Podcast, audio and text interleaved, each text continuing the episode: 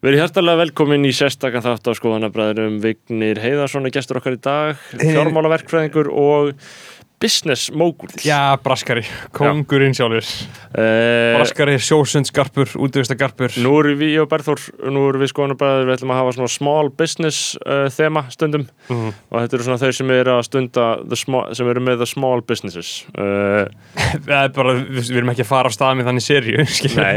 En við, en það væri ekki eitthvað gott að því að í bandaríkinu þá líka til svona small business day, þar sem að öll small businessin eru með svona svaka lobby dæmi. Mhm. En við erum sérst talsmenn þarna, litlu fyrirtækjana. Það er, við- Vignir Heiðarsson er einn af þeim. við erum talsmenn Brasksins og Veislunar og Vignir Heiðarsson hinn einn sanni uh, Og þú, hann veitir okkur raunverulega bara insýn inn í að hvernig er að flytja út vörur frá Ísland. Já, Og einmitt, ég, mjög- ég, ég vissi veist, þetta ekki Mér finnst bara mjög áhugavert að heyra um bara útflutning Já. og innflutning og þetta er svona eitthvað sem heilsala fólk pælir í. Já, en við erum ekki bara að tala um þetta við tölum líka um, uh, hvað tölum við um? Tölum um Sveppi, við tölum um MDMA, við tölum um Joe Rogan, Já, um líka bara svona almenn lífsleikni atriði, sko. Já, já, fjármálaverkfræði ú, að fara til útlanda.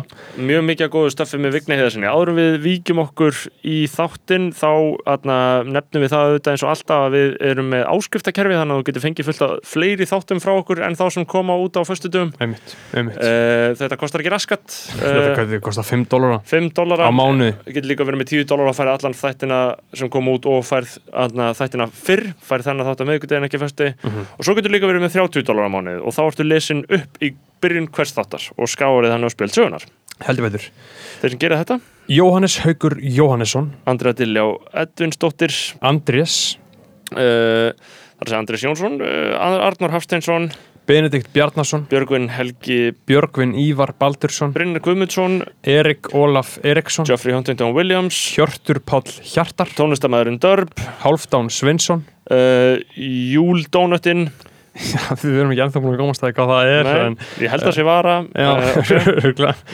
St- St- Sturla Snorarsson Uh, Nafnlaus kona. Uh, Svafa Siguradóttir uh, Tank City, Hvað er Tank City? veit ekki. Er það töllugur eða eitthvað? veit ekki, vara líka, ég veit Já, ekki. en allan að takk. Tindur Kárasson X, nonni X. Ég elska X, nonna X. Já, hver er það? Ég, Ég, veit, ég, bara, ég, ég, ekki. X, nonni X. Úlfur Árnason. Og Ari Helgason Einmitt, síðan er það Stefán Daði, sá mikli mestari sem að styrkir okkur um 50 daði, sjátt át á Stefán Daða, hann á framtíðina fyrir sér í alls konar vislu. Samanlega, síðan eru Tandri Snær Traustason og Sindri Kampan sem eru helviti sterkir sem fyrirverandi styrkja kóngar. Já, uh, einmitt. Sindri Kampan er með 105 dalega mánuði Tandri Snær Traustason er með 100 bandargett dalega mánuði. Já, en það er nýr king in town. Maður. Þetta er Tumi, það stendur bara Tumi. Þetta er Tumi Gonzó, þetta er sjálfur Gonzó Já, þetta er Tumi Gonzo. Þetta er Ertu- Gonzo. Ertu viss? Ertu búin að spurja hann? Já, já, við Já. höfum verið í samskiptum í tengslu þetta mál vegna þess að hann vildi styrkja okkur með s- stórri einskiptisgreðslu og ég sagði að við værum ekki með slík kerfi lengur og við Já. gerðum þetta nú í gegnum Patreon Mhm. að það væri skýrast bara að fara þangað þannig að hann hefur greinlega farið með góða slummu inn í Patreon Þetta finnst sko, hann, Tumi er að styrkja okkur um 170 dólar á mánu. Já, Uh, það, það er svona 25 skall allavega uh, já, eða svona 28 skall kannski nei, nei, nei, nei, það er 20.000. Já, er það 170, er það 120, 170, já. dólarinn svona lár er bara 120 eða 30 Greinilega. Ok, 20.592 krónur. krónan greinlega styrkjast Það, veistla, við stiðum það. Uh, bara Tumi Gonzo, hvað maður að segja um hann, hann er styrkkongur, við höfum sett að virðingu á nafnið hans. Það er bara Gonzó, Já, hann er leiðin til okkar og bara algjörveisla. Mjög, bara Ég- takk kjalla Gonzó Já, hlaka til að fá hann í þáttinn. Uh, og uh, gaman að það sé lífleg samkeppni í styrkjakonga dæminu þess að núna þurfa Sindri Kampan og Tandrisnari Traustason að svara. Já. það verður gaman að fylgjast með því en við ætlum að vinda okkur í þetta og fara í Vigni Heiðarsson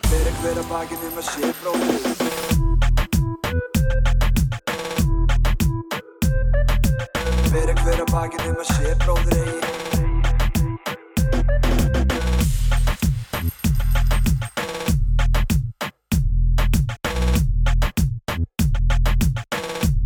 við erum farnir uh, í lofti hérna. Komin í loftið, Vignir Heiðarsson, kall maður Vignar. velkomin Vignir. Takk fyrir Uh, sko, við ætlum að byrja þetta á, sko, við erum alltaf til þess að undirbúið fyrir þáttinu, þá runnum við gegnum Twitterið, uh, Twitter aðgangiðin mm. og þar tweetar Vignir uh, á meðan Vignir kláraði skólan sent um kvöld og vann í kjallaranum að illum framtíðaplönum sínum um að vera stærsti endursölu aðili notaðara bóka á Íslandi þá hlusta hann á Joe Rogan. Í myrkrunu og aftur Joe Rogan.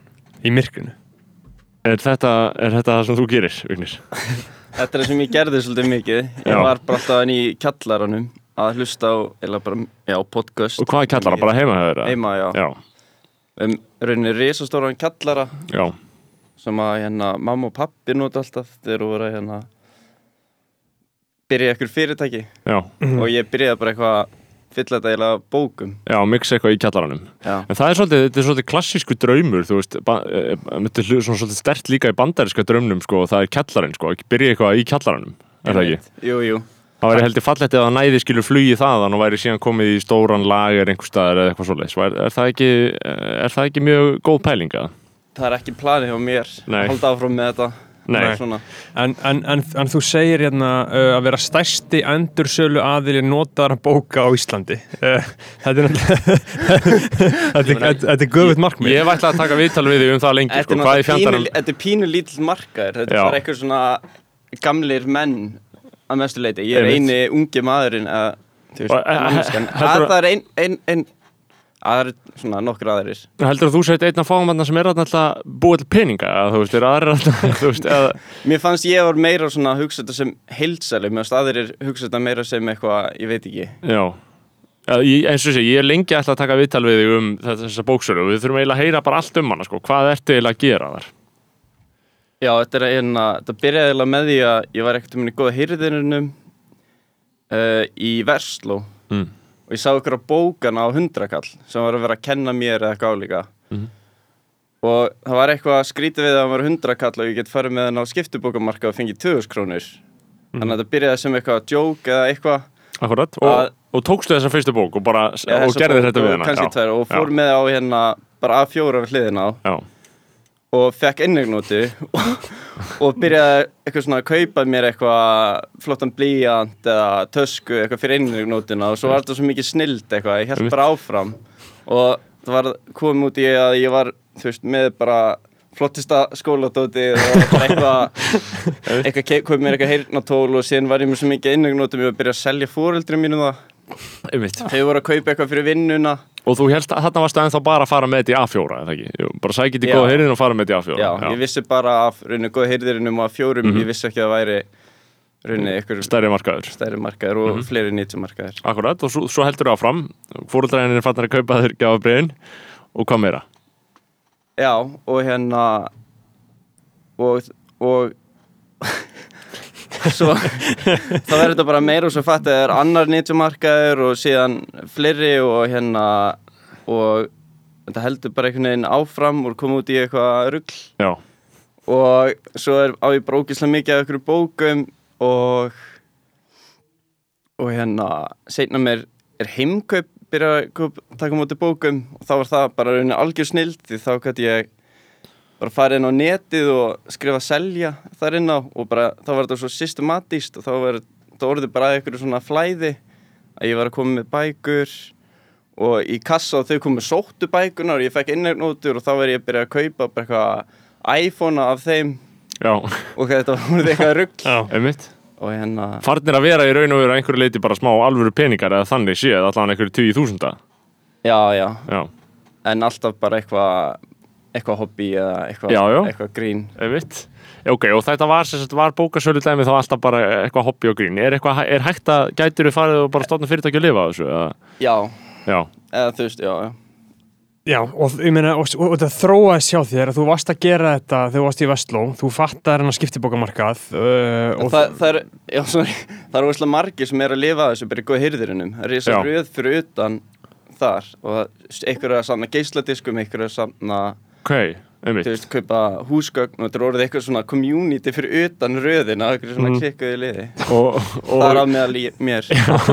Sko, ég, ég fer, ég aðna, hef kíkt í góða heyrðin undarfærið og það er einmitt alltaf röð og það er alls konar fólk og maður einmitt hugsa sko, að því ég hugsaði einmitt skilur, þetta fólk getur ekki allt verið bara að skoða borðinina, það er enginn að pæla í borðinum og stólunum inna, fólk er að pæla í skrítnasettinu inna, skilur, stellinu já, uh, geisladiskum mögulega Já, já, bókum í, já, bollum Já. bollum Já, og, og aðna, aðna, og, ferðu þarna oft eða, þú veist, ertu er, er, bara að kíkja og tjekka eða, uh, ég, Já, ég gerði þegar ég var í þessu Já, skilur. þú veist, nú ertu out of the game eða? Já, ég er, var út í Danmörku og, Já. og ég er ekki komið mér aftur inn í þetta en ég er að fara að byrja aftur sko. Já, Það að vera með þetta sem hérna hliðar starf en þú veist verður og, þetta og hitt sko.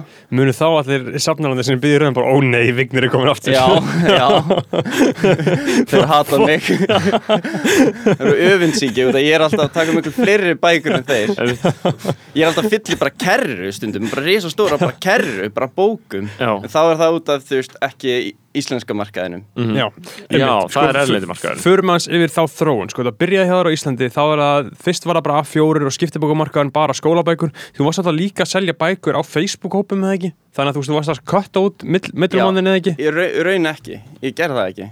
Nei, En það var, það var bara hérna eina önn núna seinastlega sumar eitthvað Mhm. sem ég gerði það En ég var alltaf bara skiptibókinn eignir. Ég, ne ég nefndi ekki að vera að hitta fólk Mér varst það svo vandræðilegt að vera eitthvað. Messenger og, og vinna og eitthvað Mhm. Ég reyndi að horfa á þetta sem eitthvað svona heilsölut og út af því ég er alveg upp við að mamma mín og pappi eru hafa alltaf verið heilsalar mhm. en sko, en, en starfsfólkið og stjórnendur hjá A4 þau voru byrjuð að þekkja Já, já, já, ég er bara rekin þaðan út sko. Já, hætt að vilja fá mig og allstaðar ég er svo óvinnsæll og Já. áttu mun andliti minn svolítið komið nýtt starfsfólk og ég var ekki að vonast eftir um ekki þekkja mig. Og þetta var svo, niðurlega en það vel alltaf á og svo held ég alltaf áfram. Þetta var bara eitthvað svona obsession. Það hætti ekki. Og bara leið þú byrjar að þekkja þetta og byrjar að kunna bækunar og þú veist, ok, þú takum til þessari bók og þú, þú ert með svona vit og þekkir á allar bækunar, það verður þetta svo gaman en maður heldur bara einhvern veginn áfram áfram. Svo er maður góður í þessu og maður veit vita hvað allir nýttjumarkarnir eru maður tekur einhverja svona leið og og, og einmitt, þú þú- þú ert orðin góður í þessu og er þá bara hægt að, þú veist, að búa til einhverja peninga, ég meina það, þú varst líka farin að senda bækurnar út til útlanda, ef skilur þú pælir í þú veist, tímanum sem ég er hann inni ég er kannski hann inni í korter hálftíma, Mhm. skilur, og hvað ég fæ mikið bókum á þeim tíma Já, og hvað, hver bók er mikil er kannski þá borgar það kall sig. En, en í hug, þú veist, í, líka samt, svona í tíma þú veist, í tímun sem þetta tekur fyrir hugsunina, skilur, Já. eins og þið eru með þetta podcast er þetta kannski yfir tvo tíma svo er það að pæla í þessu Já, já, alltaf daginn eftir á þannig að þetta er svona einmitt, Já, þetta er, þetta er svona mental load já. Uh, sko, ég, að því að það sem er náttúrulega undarlegast við bókabusinessin er að ég skil bara ekki hvernig er hægt að græða á einhverjum gömlum druslu bókum sem maður finnur í góða hörðunum. Ég skil bara ekki hvar þetta, hvar það er öðlast gildi. Hvar er það sem það gerist? Þú veist, er það bara fólk að henda þessu sem fattar ekki að það sé eitthvað og ég meina, þú veist, en hve- hvernig, hvernig stendur á því bara yfirleitt að einhver vilja kaupa þessar bækur, skilur? það Ég er bara að út hugsa af það. því að fólk þarf að kaupa og þetta Já. er námsbækur þetta er nöð, nöðsina vara. Já, já, fólk þarf bókina, þau vilja ekki Nei. kaupa bókina. Þú selur, ég, ég gæti ekki alveg ímynda sér að þú selur ekki mjög mikið af bókum sem fólk vill kaupa. Er þetta ekki aðalega bara Já, fólk? ég, ég sel ekki bækur sem fólk vill kaupa er- En sko, en mér finnst þetta magnað sko með þarna, uh, A4 og, og þessar búðir.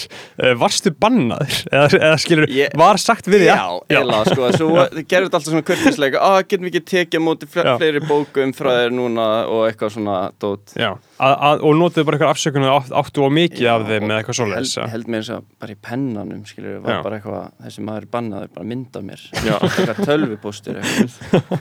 Tjóðu samsæri það. Já. Eh, Þú hefur þetta að að senda mig með bækurnar í staðin fyrir þegar þessum durla fatta að ég væri á þínum ég, vegum ég hef gert það ekkert að senda vinn minn og hann inn og og hún eitthvað sá í gegnum þetta út ég var búin að vera hann eitthvað nýla og eitthvað þetta var eitthvað já, auðvitað, ekki margir sem er að mæta með bara ógeðslega mikið af bókum, skilur, já, fjóra. Já, það er svolítið leðilt að það sé búið, þannig að nú er þetta að selja einhver all útlanda, eða, já, sko, já, Og það, það kom náttúrulega rosa breakthrough hjá þér þegar þú fattaðir að þú gast selt bækur á Amazon eða ekki? Og gast Já. það var, það var svakalegt breakthrough. Uh, það sem að gerast til að ég var alltaf að taka þessar íslensku háskólabækur og þær voru uh, virðið kannski 15 skall nýjar á Íslandi. Mhm. og hann ég bara eitthvað keipti þær og eitthvað 100 kall og tek þær eitthvað og svo nefndi ég aldrei að vera að selja þetta á Facebook til fólk, skilur, hittast eitthvað stær ertu með bókina, já, tjekka ástandið eitthvað komið cash, eitthvað eins og eitthvað dópsali. Einmitt. og hérna, Það er mjög leðilt að selja hluti og kaupa hluti á netinu eða hitta einhvern, það er mjög leðilt að hitta manneskuna. einmitt. Það, það getur fínt að ert með eitthvað svona system að þau koma til þín þetta er eiginlega orðið alltaf þannig mm núna. En hérna og var alltaf með, með hérna já, þessar ennsku bækur. Og svo var ég bara svona hvernig getur komið sér verð? Og ég fann að það væri eitthvað svona we buy books eitthvað á, á netinu. Og var til eitthvað svona síður sem að kaupa aðrir bækur. Mhm. og þá fannst mér frekar að fyndi ef ég geti bara komist í hagnað á þessu þótt að væri bara 300 kall bara upp á að hafa gert það. Já, já, það er bara eitthvað, ok, þú veist bara og svo væri ég eitthvað, hei svo væri ég með eitthvað hugmynd og svo margar mismundi síður sem að taka mútið bókum. Hvað ef ég myndi búa til forrit sem að sem að tjekkar hvort að bara þessi bók af einhverjum af þessum 20-30 síðum tekur á móti þessari bók? Og svo væri ég eitthvað, já, ég ætla að gera eitthvað skólaverkunni með þetta. Ég, bara hérna, með tala við prófessorum minn í hérna tölvunafræði og hérna hvort ég geti búið til þetta forrit. Svo er að skoða þetta meira þá fattaði að þetta forrit er rauninni til. Og það er bara Amazon. Já. Jeff Bezos. Það er bara Jeff Bezos. Já. og hérna og þannig eiginlega byrjaði, ég- byrjaði þetta. af því að þar getur maður í raun og verið að leita að bókinni. Ef hún er til sölu þá finnur maður hvar hún er til sölu þess að í gegnum hvern Amazon er að selja og þá hlýtur Susi að taka við henni. Eða er það systemið það? Inn á þess ekki alveg Þess að sko að því að ef þú fer inn á Amazon og þú myndir leita að einhverju bók bara sem þú væri með og sægir að hún væri til sölu á Amazon þá er Amazon kannski að selja það í gegnum eina af þessum bókasíðum eða eitthvað þannig eða?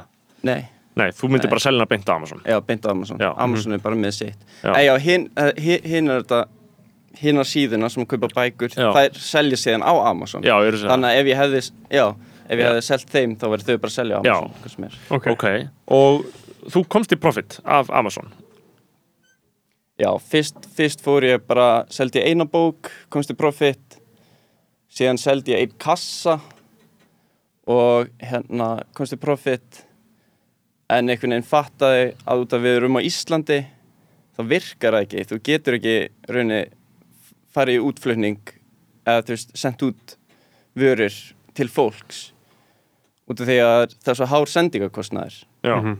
þú getur ekki bara verið með eitthvað bóli og selta hver sem er út í heim uh, nema sé eitthvað dýr vara eins og það var Sabi sem fólk er að selja hana en, að það borgar sig þá? Já, Já, en með þú veist bækur þú getur ekki selt bara eina bók. Þannig að ein, þau- og ein, ein, eiginlega ekki kassa þau sem eru kannski Mhm. 20-30 bækur. En þetta borgaði sig bara ef ég myndi selja 500 til 1000 bækur eina palletu Mhm. og ef ég myndi ná því þá myndi það virka. Já, já. og þá geti verið komin já, þannig, þannig að þú Það er varst stóra markmiðið. Já Nei, það var, það var stóra þú, þú, ert- þú ert þangað búin að ná því. Já, ég er Já, búin á því. Þú ert búin að ná því. Já, já, þú, þú, þú hefur sendt fullt af palletum út, ekki? já, já, Já. Tíu, svona tíu palletur fimm tonn eða eitthvað. Fokk hvað það er mikið. Hvað eru það marga bækur? Ertu með tölu við það? nei. Nei, en cirka, ég meina sirka- þúsund. Já, nokkur þúsund. Já, Já Og, af og, íslenskum fokking námsbókum úr góða hyrðinum enskarnam, þetta eru bara bækur Já, einmitt. þetta sem er er bara einhver það- líffræðibók. já, já, Já, já. bara ekki og, svo er þetta ekki bara námsbækur þetta er líka bara Marvel-blöð og þú veist, klám, klámbækur Já. og bara whatever er ekki ógislega mikið, þú hefur sagt mér að sé mikið að svona, uh, hvernig maður að orða þetta, hommabókum. já, Hva, er, er, er það eitthvað svona dirty, dirty blöð eða þú veist, hvað ætli homabænkur sé Uh, það er bara alls konar já, bara eitthvað svona um, um eitthvað svona kultúr og, Já, og já, þannig og svo bara eitthvað mikið að finna bókum Já. Bara svona gay literature. já, já. Sem Já. er kannski Svo eitthvað bara- svona nýs, þú veist, Já, sem ég- fólk kaupir á netinu. já, já, meira svona þannig Mm Einmitt. ógeðslega fyndið þannig að þú sendir þetta bara í gám, eða ekki? já, í, já, já, í gám, í pallettu í gám. Já, í pallettu í gám uh, til vöruhús í Fraklandi, eða hvað?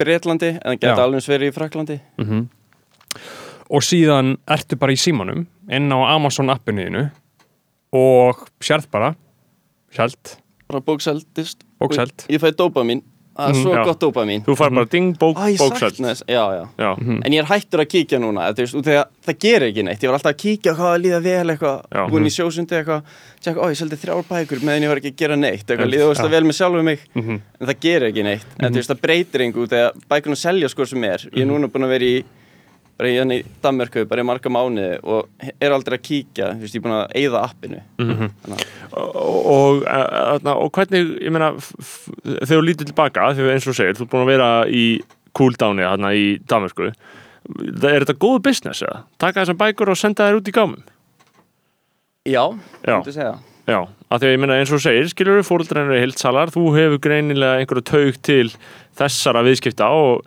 og þú getur alveg lagt mat á það hvort það sé góð pæling eða ekki. Og það, þetta hefur gefið góða raun. Já, þetta er, þetta er mjög auðvelt, þetta er bara eitthvað app í símanum, hver sem er getur gert þetta. Já, En ég held að hver sem er myndi ekki láta sig hafa þetta sko eða gangi gegnum þetta. Já, kannski að, já, En að því að þú ert, uh, þannig við útskýrum ferlið fullkomlega, þú ert að keira um all, allan bæinn og all landið, þú tekið túr um landið líka. Það tekið ringin og Svo þegar við tókum hringin einhvern tímann í kringum Ísland þá hérna, bara þurfti ég að stoppa eigilstöðum á nýtjumarkaðinu og bara eitthvað please please hana. Ég bara eitthvað og svo sáttur að við stoppuðum. Já, og hýrtir fullt okkur bókum þar eða? Já maður, það er ekki eða staður það var aðalega, aðalega íslenskar námsbækur samt, það var ekki nú, nú mikilvæg erlendu bókum. Nei. Uh, Hvar heldurðu að gullnáman feli sig á Íslandi? Hvar eru bækurnar? Hvar, hvert myndur þú vilja komast inn og láta greipa sopa? Ég væri til að komast í, í það að kaupa sem sagt, það sem er núna gert að bókum er bara hent í tonnum. Já, þú veist, þetta kemur, allir fara með þetta í góða hyrðirinn þau fá alltaf mikið af bókum setja eitthvað, þú veist, 5% eða eitthvað út, henda langmestu. Uh, ef ég væri að fara að halda áfram með þetta í lífi mínu sem ég er ekki að fara að gera þá væri að kaupa, þú veist, í gám. Þegar þau eru að henda.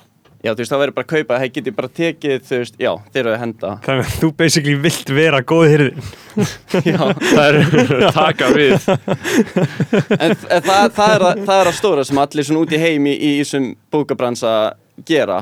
Já. þú veist, þau, þau eru hérna að taka gáma bara, bara kaupa to í tonnum af einhverjum mm. 90 mörgum sortera henda burt draslinu, þú veist, mest af þessu er drasl 90%, 95% Já. og, og, og þú veist hve, hvenar hættir eitthvað að vera drast þannig að ég ímynda mér að allt sé drast en það er greinilega ekki drast, það eru þessar ellendur námsbækur bara á eitthvað svona en mér þess að það er 90% drasl, 95% drasl bara einhver, einhver gamla bækur, íslenskar frá 1970, Já. þú veist, það er, það er, það, það eru svo veit maður ekkert hvað er inn í þessu kannski er eitthvað gott sagt eitthvað. Já, einmitt, nei, nei, einmitt, við, við spyrjum ekki um innihald uh, En, en, en ég meina svona dánarbú og þú veist bara svona engasöfn, ég meina þú hittir pappa okkar og tókst á hann bækur. já, mm, meina hvernig, hvernig er það?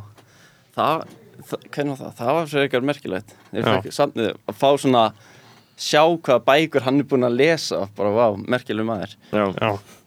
Já, hann leti fá okkar bækur en ég meina, já, þá væri best að kannski að fólk kæmi bara með dánabúin til þín uh, Þú veist ef, ef, ef þú væri að halda áfram í þessu. Já, einmitt. Já, mér er svolítið sorglegt að setja að setja að fara út Það að er bara eitthvað COVID maður, ég er bara, Já, já, það hefur, maður hefur ekki haft mikið svirum mann svo oft út eitthvað. Já, um, en sko að þú sagður að þú hefði verið að velta fyrir þér að samþætta þetta með verkfræðin áminu þarna í HÍ, nei HR, varst ekki fjármálaverkfræði HR? Jú, Jú.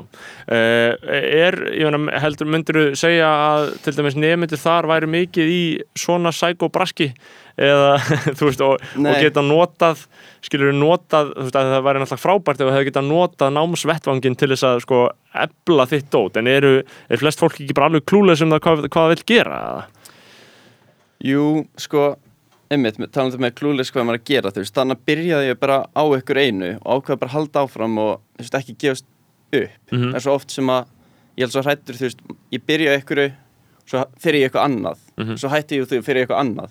Svo ég vildi bara halda Það eru mjög margir fastir í þessum áfram. vítaring. og já, þú veist, ég ykkur, ykkur leiti er í þessum vítaring sko Já. núna þetta er mín svona lífskrísa núna, ég veit ekki ég fyrir á einu hoppið yfir eitthvað annað og mér vantar svona eitthvað en Já. þessi bækunar var svona, dróðum mig alltaf þú veist, ég var alltaf betri í því og vissi meir um bækur svo, veist, heldur þetta svona áfram einhvern veginn og maður getur bara haldið áfram Já, já, þannig að þetta var svona Já, já, þetta er eitthvað varanlegt og svona, þetta er svona eitthvað svona hálgert fyrirtæki sem er með, komið með í gang, skilur. já, Já, en já, eins og ég segi, ég, ég velti fyrir mér aðalega mitt með til dæmis þessu námi, um, hvernig var upplýðin af því? Var fólk þar uh, að taka upp á einn drastli eða er fólk þar meira bara til þess að fá ykkur að vinnu síðan á- hjá einhver basic fyrirtæki?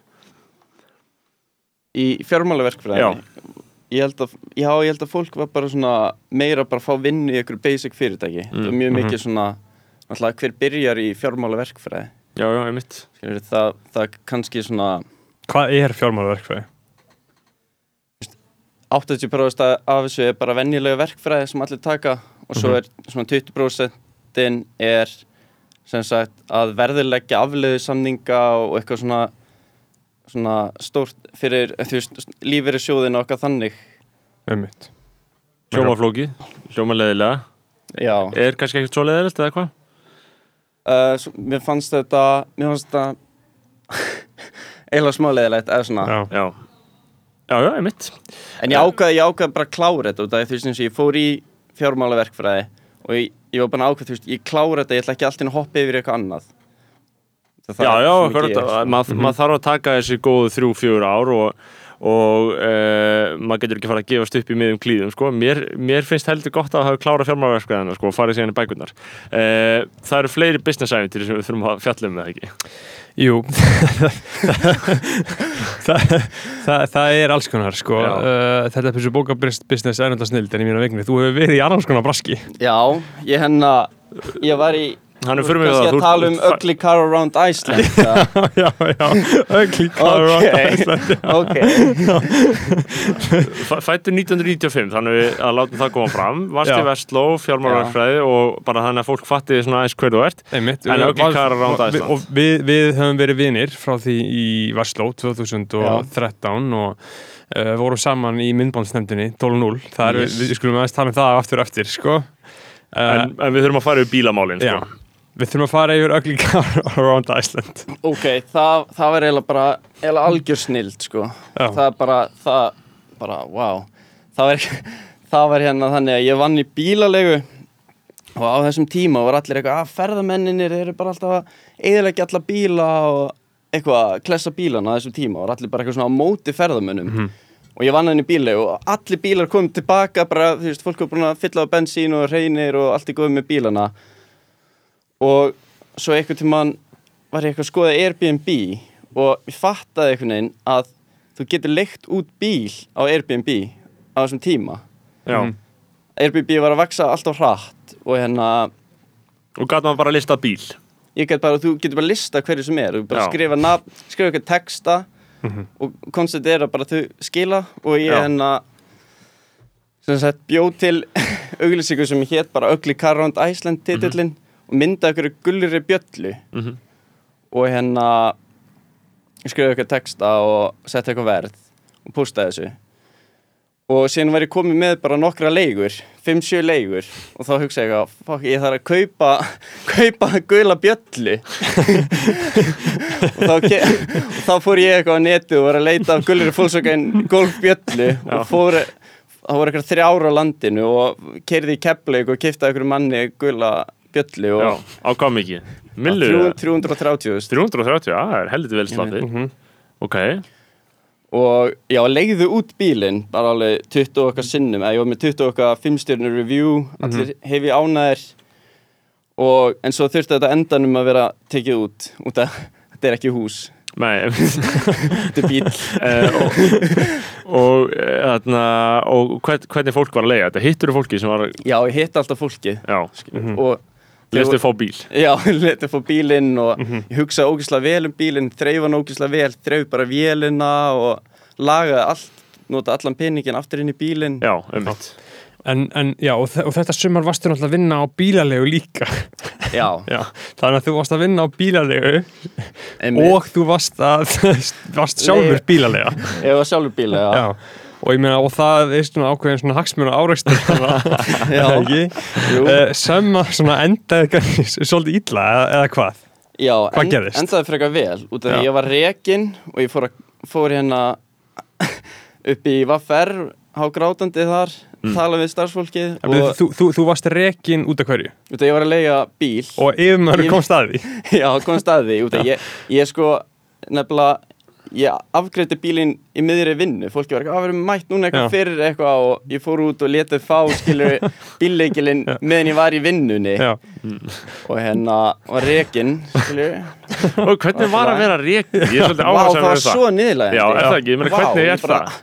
Það var svo niðurlægandi eins og ég segi, ég bara fór bara eitthvað að gráta bara svona, ég fór upp í vinnu grátandi, tala um mömmu, pappa og eitthvað fólk og ég bara eitthvað nei, sagði gaurin bara, þú veist, heyrðu, gamli, þú ert reikin Þú veist, Já, notaði já, þau orð bara. fannst þetta ekki gaman, Nei. hann var sjálfur eitthvað skjálfandi höndunum og það veist út að það var eitthvað annað starfsfólk sem sá þetta. Hver var ekki einhver maður hérna. Varstu, snitchaður eða? Já, bara eitthvað fólk í kaffibotla þú veist á annar hæðinu Já, sem sá mig skilur Hvar er þetta? Hvar, hvar, já, hvað segir, hvað, hvað langar ekki að segja? nei, ekki neitt Hvar er bílalegan? Þú veist, hvar er í bænum, hvar er Reykjavík? Hvar Eh, gerðist þetta? Ég er bara að reyna að sjá þetta fyrir mér. Uh, Ekki hver, ekki nei, bílalega, bara hvar, hvar er þetta? Cirka BSI Já, ok, einmitt. Þannig að, cirka BSI Þetta er svo fokkin fyndið En já, Já. ég, og, ég, og, og síðan ferðu á affer Verðu á affer, grátandi. Mm. Já, Og hvað gerist? þau eru bara eitthvað, fá, allir eitthvað knúsa bara, bara allt í góðu, eitthvað, herðu, við bara fyrum kæruð mig og, og, ég, og hérna sendi á eitthvað kröfu fyrir eitthvað þreja mánuðum og ég fekk eina kom eitthvað miljón wow, nice. Og ég notaði pinningin til þess að ferðast og það var fjár, notaði hann ekki bara alltaf fjárfesta í bjöllunni? Nei, nei, nei, ég, ég fór hérna að kefti flug með einn til Evrópu og var í fjarnámi sagt, þá í Versló til þess að komast inn í verkfræðina og var, að, var með eitthvað svona dæmi að ég hérna tók, já, tók Eurorail í gegnum Evrópu Já, og stoppaði alltaf á bókasönnum og var að læra á hverjum Ok. degi, lærði ég eitthvað fjóra tíma dag. Var þetta ekki næs líf? Já, þetta var bara kekkjað líf. Já, sko, mjög en áður en höldum ég- áhuga sér Evrópureysu en sko þarna á hvaða forsendum var þessast unnið málið gegn bílalegin mátt hann ekki reka þið fyrir að hafa verið að leia Hann- hann- hann þurfti að-? Þú veist, hann þurfti að gefa mér viðvörun. Já, já. Hann mátti ekki bara reyka á staðnum Já, fokk hvað þetta er ógeðslega gott maður. Uh, að því að maður hugsa bara hvað maður ætti bara svona helst að fara einhverja vinnu bara til að láta reyka sig og fá einhverja veislu Já. þrjá mánuða uppsarnafrest Já, gott skemm. Já, Já, uh, en Bjartan, seldur hann á endanum eða þú veist, eða bara fór hún á haugana eða er hún ennþá til? já hún seldist á endanum Já, á eitthvað 50 skall eða eitthvað Já. lítið. greið Er þetta greið, en þú veist þetta borga þessu upp? Já Já, kannski koma á sléttu Já. eða eitthvað það og það er líka eitt með þetta þú veist, það var eitthvað, á þessum tíma var Airbnb svo lítið og var eitthvað fólk hann hátt uppi og þú veist, þau voru, þau voru svona hrósið með, fundist þetta svo geðveikt tölu við mig persónulega, eitthvað svona, svona hátt hjá Airbnb Ok. og var bara eitthvað, á, þetta er svo leiðir þetta að þurfa að gera þetta við erum svo, Já, einmitt, það er svolítið gaman ég meina vegna þess að við höfum líka rætta í þessum þætti með þess að bara að uh, svona deili hagkerfi fyrir bíla Já. er löngu tímabært já, skilurðu. Þú veist, þessi pæling með bíla. En það sem er rauninni eins og með bíla, svo mikið viðhald á þeim og hvað þannig, þú vilt hafa eitthvað svona sem er svona smooth. Já, einmitt. Og þú veist, þú þarf að borga tryggingar á bílum og eitthvað. Já, En er- heldur að geta ekki gengið vel upp að vera með svona Airbnb kerfi fyrir bíla eða? Jú, jú, Já. það, og það er. Já, einmitt. Já, það er búið eitthvað til sko, en ég meina, er svo mikið viðhald? Vi- Viking cars eða eitthvað? Já, er, en er, er svo mikið viðhald á bara einhverjum einhverjum písa sér rafmagsbílum sem að geta bara verið innanbæjar eitthvað Ég þekki það ekki. Mm, Ég veit ekki, en þú ég, ég, ég held að bara alveg markaður fyrir það og allt ef maður gera það bara rétt skilur. Já, af því það væri náttúrulega aðtilsvært ef maður gæti átt bíl og verið bara svolítið mikið að eitthvað svona aðna, sling, eitthvað svona Einmitt. hösla með hann með eitthvað svona, skilur Já. bara eitthvað svona lista bíli sinni eitthvað og bara leiða hann í tvær vikur og vera Þa, bara það mun vera þannig núna þegar Tesla, þú veist, þegar, bílinn verið sjálfkerandi þegar þú ert ekki að nota bílinn sem þú keftir Já, þá leiður hann brút keira hann sjálfkrafa fólk já, já, maður hefur náttúrulega Það- hugsað það. Haldið að svo þróun muni eiga sér stað? Það mun gerast. Já, engin var það, þú það er, já, það mun gerast. Þa, það, það, það er bara staðfest. Þannig að uh, Tesla, mamma á Tesla já, hún getur, þegar hún er bara heimi á sér komin heim eftir vinnundag klukkan 6 hennar eða svo. bíl er samt ekki sjálfgerandi Við erum að tala um þegar það eru orðna Já, en, en sjálfgerandi þegar hann verður sjálfkjærandi þá er það bara update, hún þarf ekki að kaupa sér nýjan Ég getur ekki verið að Er það ekki? bara gera eitthvað software update Er það ekki lengur? ég held bara software update Já, Að ég held einhverju að leiti, já, en þú veist Já. Við erum ekki að fara að sjá þetta gerast á næstu tíu árum á Íslandi, held ég Hvað segir þú, Ingir? ég, ég segi hann, það mun alveg gerast á næstu tíu árum Já, Já. já.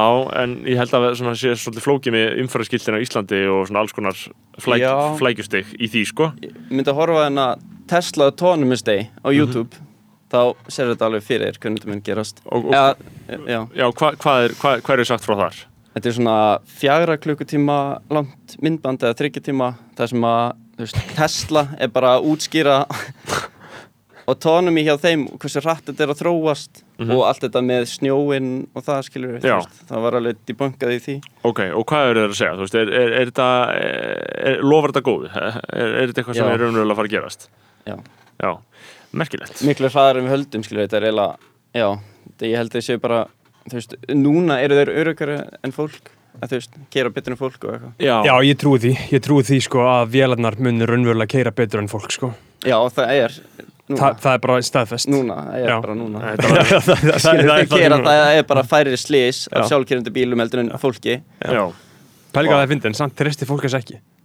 Nei, hvað, treystur fólk? ég held að fólk treystur sáli. Samt ekki. Nei, nei, nei ég, það, það vantar eitthvað ferli, það vantar eitthvað Já. svona nokkur ár þar sem þetta svona sitrar inn í þjóðasáluna sko, en það verður náttúrulega epist eftir komið og einmitt eins og segir, þetta mun náttúrulega alveg bylta því hvernig bílar eru notar, þegar leigubílar ættir náttúrulega bara geta orðið mjög ódýrir að stökka bara inn í sjálfkerrandi en leigubíl. það er líka svo erfitt að framleiða ógeðslega mikið af bílum. Þú veist, eins og með hlaupahjólum, þú getur bara framleitt endalaust af hlaupahjólum Akkurat. og litlum drónum, skilur, með bílana Er erfitt að framleiða ógæslega mikið bílum, af hverju? bara stórt og Já. mikið umsvif og Tesla er oft í mega vandræðin bara með því að, með að, með að bara búa til nóga bílum eða ekki, ég held það. Jú, Já, Jú, það er aðal vandamáli hjá möskarunum að það bara er ekki til verksmiður fyrir þetta. Er það King, ekki? King Musk. Jú, e- og hann er núna í því, þú veist, hann er núna að hugsa um að búa til verksmiður, þú veist, hann er að hugsa svona, að veit ég, þú veist, meira svona kringum það að, ég veit ekki hvernig útskýra. Sko, hvað, hvað mennur? Sko, Il- Il- Il- Elon Musk, þannig að við höfum svífust hann hérna í hlaðarpinu Við höfum líka að tala illa um Tesla uh, og Vignir, þú baðast með vinsanast um að gera það ekki Já, Á að bæra í borðið já, að hætta því að tala illa um Tesla uh, Ég meina, af hverju, hva, hvað finnst þér um Elon Musk? Hann er bara fyrirmyndin í mínu lífi, bara hann hugsa, skilja. Ég, ég, þú Svona í tekir eitt um einhverju það, svona sko. stærðfræði og eðlisfræði, einhvern veginn hvernig hann Mhm. hugsar tíu sinnum þetta, að þú veist, hugsa einhvern veginn, Um mitt Hann hugsa Eh, vísindilega, sem ég, hugsa sem, ég- sem ég ger ekki. Já, Hann hugsar Ég í útreiningum, hann hugsar svona eins og einhverju karlar hugsa, skilur hann er eh, held ég einhverju karl, ég held hann sem með Aspergers. Hann er snar einhverju, sko. Uh, og atna, hann er þriði ríkasti maður í heimi. Uh, þetta er svolítið svakari þróun með hann að gaur í raun og veru ef maður hugsa út í það. Uh, veist, að hann sé allt í henni þarna bara ógeðsla ríkur með SpaceX líka sem ég skil heldur ekkert nógu vel þú veist, game shit, skilur já, í. uh, þú veist, og, og Tesla það máli, pældi því, Tesla er bara eitthvað 20% af tímanum hans, eitthvað. já, skilja, hann er með bara game SpaceX. Og það er alveg svona bandarist government svona samstarfsverkefni, skilur, það Já. sem að bara bandariska ríkið er bara að já, NASA Já, bara NASA og hann eru bara í einhverju sturluðu samstarfi, skilur. Það eru bara endalausir opinberi sjóðir sem að maðurinn bara er með og opna Já. fyrir sig, sko. og, en, já, já, en er að fara líka að breytast núna hann er líka, já hann, hann er að fá pening núna í gennum Starlink Já. fljóðlega, Hvað er það? það er, það er hérna Hvaða annan business er hann með? Það er, þú veist, hann er með SpaceX og hann er að skjóta út gerfinöttum núna fullu og er, það er eitthvað sem heitir Starlink og, og það er sem sagt gerfinettir sem er á að tengja heiminn interneti svona dreifbíla interneti út um allt. Mm. þannig að mjög líklega mynd þú, þú veist, nota Starlink eftir ykkur ár til þess að fá netið í staðin fyrir genið Vodafone eða Síman og það. Ok, svona, þannig að ég er að fara að borga honum. Já, þú ert að fara að borga honum og Vodafone og Símin er þurfa að fara á okkur fund þú veist, og ræða þetta mál eitthvað mann á næstu fljótlega, þú veist Já. það er svo svolítið áhægt. Er, þetta eitthvað raunverulegt dæmi? Er það að koma fyrir einhverju nýju interneti? þau eru náttúrulega bara að skjóta þau eru með gameskip mm Mhm. það er skjóta miklu meira en öll önnur ríki Já, eiga enginn sem, að, enginn sem að getur skotið hann mörgum gerfnettum og þau sem sagt SpaceX já, SpaceX Já, og hann er möskarinn náttúrulega líka með uh, Neuralink já, hámar, það er svo skeri maður Já. Hvað er það? uh, Getur þú útskipt aðegnir það? ég veit ekki Jú, komdu Ég- kom með það. Hvað er það? svona brain computer interface eða eitthvað þannig Já. þú tengist þú veist, það er eitthvað svona tölva sem að fer nákvæmlega og gera aðgerð á heilanum þínum tengir chip inn í heilan og, og þú, þú veist, þú, þú ert þá tengdur, skilur einhverjum device, skilur Já. og þá getur þú bara og þá eitthvað getur þú stýrt því með því að bara- hausta, bara getur hugsa. hugsa eitthvað því, skilur Vá, eitthvað. tækninni mun fleia þannig áfram að, skilur, við munum örgulega, við munum örgulega geta hlusta á þetta hlaðarp eftir 60 ár og við erum bara, vá, hvað þetta er sprengklægilegt Já, með að við dystopísku, dystopísku martræðnar sem eru framöndan í þú veist, Þetta er svo dystopíst, þetta að tengja heilan og allt þetta í kringum interneti og það. Já, já, já, nógu slemt er það nú þegar, skilur veist, eins og þetta er bara svona, ég nenni alltaf lengur að læra kínversku þegar þú veist, ég mun bara einhvern veginn geta að tala það. í framtíðinni það, bara. það, sko, það er bara ekki spurning að þú getur bara sett eitthvað sem er bara auto-translatast Já, sko. bara- það mun ekki en- endilega vera saman tilfinning sko. það getur verið gegnum þetta Neuralink bara, eitthvað, en sko uh, Elon Musk uh, heldur hann sé góðu maður eða?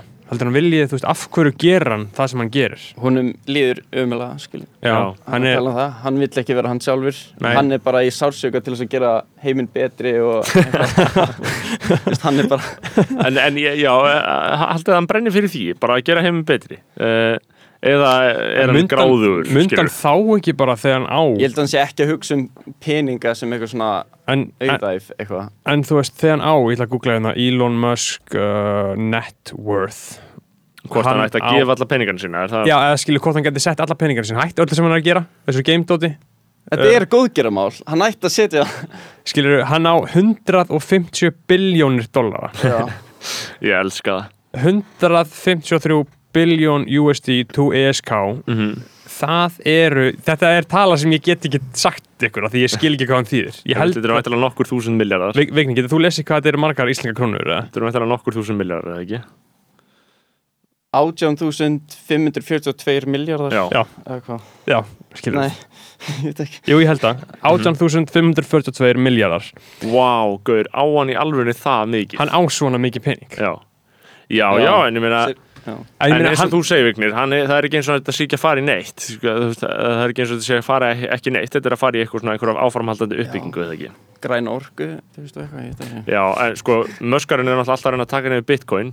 Hann, alltaf þegar hann segir eitthvað, þá fyrir þetta bara fram og tilbaka En núna tala hann síðast frekar vel um Bitcoin Þannig að þetta er núna komið upp í 42k eða eitthvað. Hann spækaði þetta vel og spækaði Ethereumið líka sko. Já, var hann að tala vel um Ethereum? ég hef ekki beint fylst með þú veist, Elon í gegnum Twitter og þannig, ég var alveg bara í gegnum YouTube. Bara Já, Já, meira að segja nokkuð. Fer- ferðu henni svona Elon Musk rabbit hole á já, YouTube? alveg, vá, fyndi Það að horfa á hvernig þessi Rapid Soul er bara búin eitthvað svona eftir á breyta líf mínu eins og þegar ég var yngri var bara að horfa á eitthvað svona physics eitthvað Rapid Hole, bara maður var fastur inn í eitthvað já, já og, og eitt tilvistar kreppu eitt myndband fer í, næsta og fer í næsta og þetta er raun og veru endar á að stýra í, hver, í hvað átt þú bara getur farið í lífinu sko. ég held að, mjög, ég held að mjög margir séu búin að algjörlega breyta um kurs í lífinu út frá bara einhverju YouTube-dóti sko. maður árauninu að hugsa áður um að fara YouTube bara hvað ætla ég að horfa á?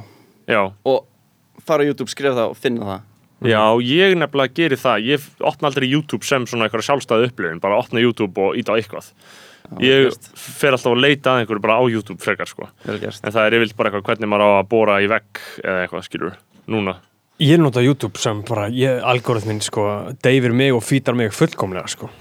Ég bara, þú veist, ég opna YouTube og bara what do you have for me og bara horfa á þess, eh, þú veist, ef, þetta er eitthvað sem ég fíla og þetta er oft bara, oft mjög vel sniðið að því sem ég vil horfa á sko. Já. já, já, mjög vel sniðið, sem ég held að sé ekki gott sko. nei Ég Eh. Möskarinn uh, og Tesla og allt þetta dót uh, þetta eru svona framtíðar pælingar sem Já, já. eru ég meina, þú veist, það er hægt að, Ég- það, það er hægt að vera neikvæður það er hægt að vera neikvæður og sem spurja þurru þetta sem shit, er alltaf típist að, að, að maður sé neikvæður gagvart en er, er þetta ekki bara eitthvað sem við þurfum eða er þetta ekki bara- eitthvað sem er gott eða? ég, þekk, ég get ekki alveg skilið Elon Musk nægilega vel til þess að ég veit að Jeff Bezos vil sjá heiminn brenna, hann er illur. Eru ekki saman að það? Jú, ég er eiginlega sammála því. Það var unnið fyrir hann sko hann er alveg control freak, maður er að gera allt fyrir hann bara ekki Já. please, ekki reka mig af Amazon eitthvað, ég skal halda áfram Mhm. að fylgja reglunum þínum Mhm. uh, þú veist, ég með eitthvað smá PTSD bara líka við þú veist, að ég Mhm. bara vinna fyrir út, þú getur bara verið rekin allt inn af Amazon Mhm. þess vegna nenni ég alveg alltaf að selja hana lengur en sko ég þarna Málið er að, að veist, Amazon, þetta er svona risastórt dæmi og, og ég er sjálfur frekar aktífu neytandi í lífinu, skilur, ég er mjög mikill neytandi, ég bara er að eyði fullt af peningum í alls konar vittlis bara svona í hverju viku, skilur, og ég, ég, ég er örgulega verið en þú bæki, ég er svona einhvern veginn, bara sérstaklega ég er að svona að flytjum set og eitthvað svona ég er mjög Já. mikill neytandi, en ég kaupi aldrei nokkuð tíma neitt á Amazon aldrei nokkuð tíma, ég veit bara Nei. ekki hvernig ég gera það síðast Hvað er það? Hverjir er að kaupa þetta þarna og af hverju er þetta svona stórt og af hverju er þetta Ég- orðið svona mikið líkilatri? Ég bjó í Breitlandi, í London og þar var ég með Amazon Prime og það var þægilegasta shit í heiminum. Já, Þú bara, þið vantaði eitthvað. Þið vantaði uh, herðatré. Þú fórst bara á Amazon og það var komið samdægurs. ok Bókstaflega, ef þú pantaður um morgunin, þá var það komið samdægurs. Og, og, og þið geta bara skilið þetta eftir fyrir utan hurðinu hjá þér. Já, Þú þarft ekki að hugsa um þetta. Einmitt, þetta er bara svona þægindin, þetta kemur strax til þín, þú getur skilað þessu Mhm. og þetta er, að- finnur það ódýrast, þú ert bara með úrval yfir allt, það er svo Amazon frumskórin. já Ég hugsaði, það er líka netverslun hérna, innlend, þú veist, ég er náttúrulega er bara ekki mikil netverslun maður, sko, þú veist, ég fer bara á staðinn þú veist, þarf, ég, ég, pant, ég kaupa eiginlega ekkert á netinu nema að sé bara í bóði að kaupa það þar, sko. Eins og með Amazon núna, þú fer í búðir sem, þú veist, þegar Amazon er komið til Íslands og þú fer í búð, þá getur þú bara skannað hlutin þar, keft hann ódýr á Amazon, fengið sendt heim. Já, Það er svolítið svona fyrir fyrir verslani Brekkan bara. Mortar, eða fyrir Brekkan Mortar. Já, og líka bara búðir. greið, bara sendingafólkið og innpökunarfólkið, þetta er ekki, þetta er ekki fólk á góðum launum. Nei, þetta lifir það er, allt ein, það er einhver að vera uh, það er einhver að vera að, vera að trafka á einhverjum. Þegar ég er að panta með herðatri og fá þið samdæðis skilur Þetta er, þetta er aðalega vélmenni og verða í framtíðinni, þú veist, það þeir eru að fara að henda öllu fólki út eins og þau geta. Já, já, það þarf kommuníska byltingu til þess að jafna metin eftir það sko.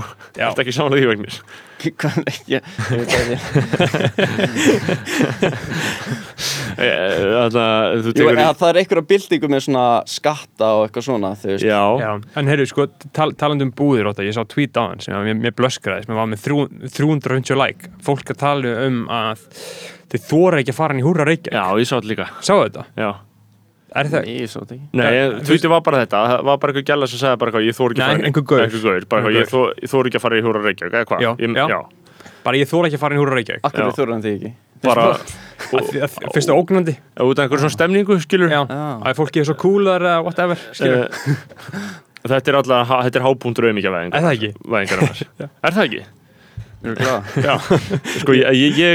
Ég, ég, ég, ég þarna, veit alveg hvað fólk er að tala um, skilur en, Já, en já. mér finnst samt svona skemmtilega áskorun stundum að fara í inn í ákveðna aðstæðu sem eru bara, þú veist, þetta á ekkert alltaf að vera bara alveg ekki krefjandi. Þetta er eins og bara, já, þetta er eins og Supreme búðunar út í, Já. út í aðna, London og New York, það er bara þekktar fyrir það að þú ert treated like shit, skilur.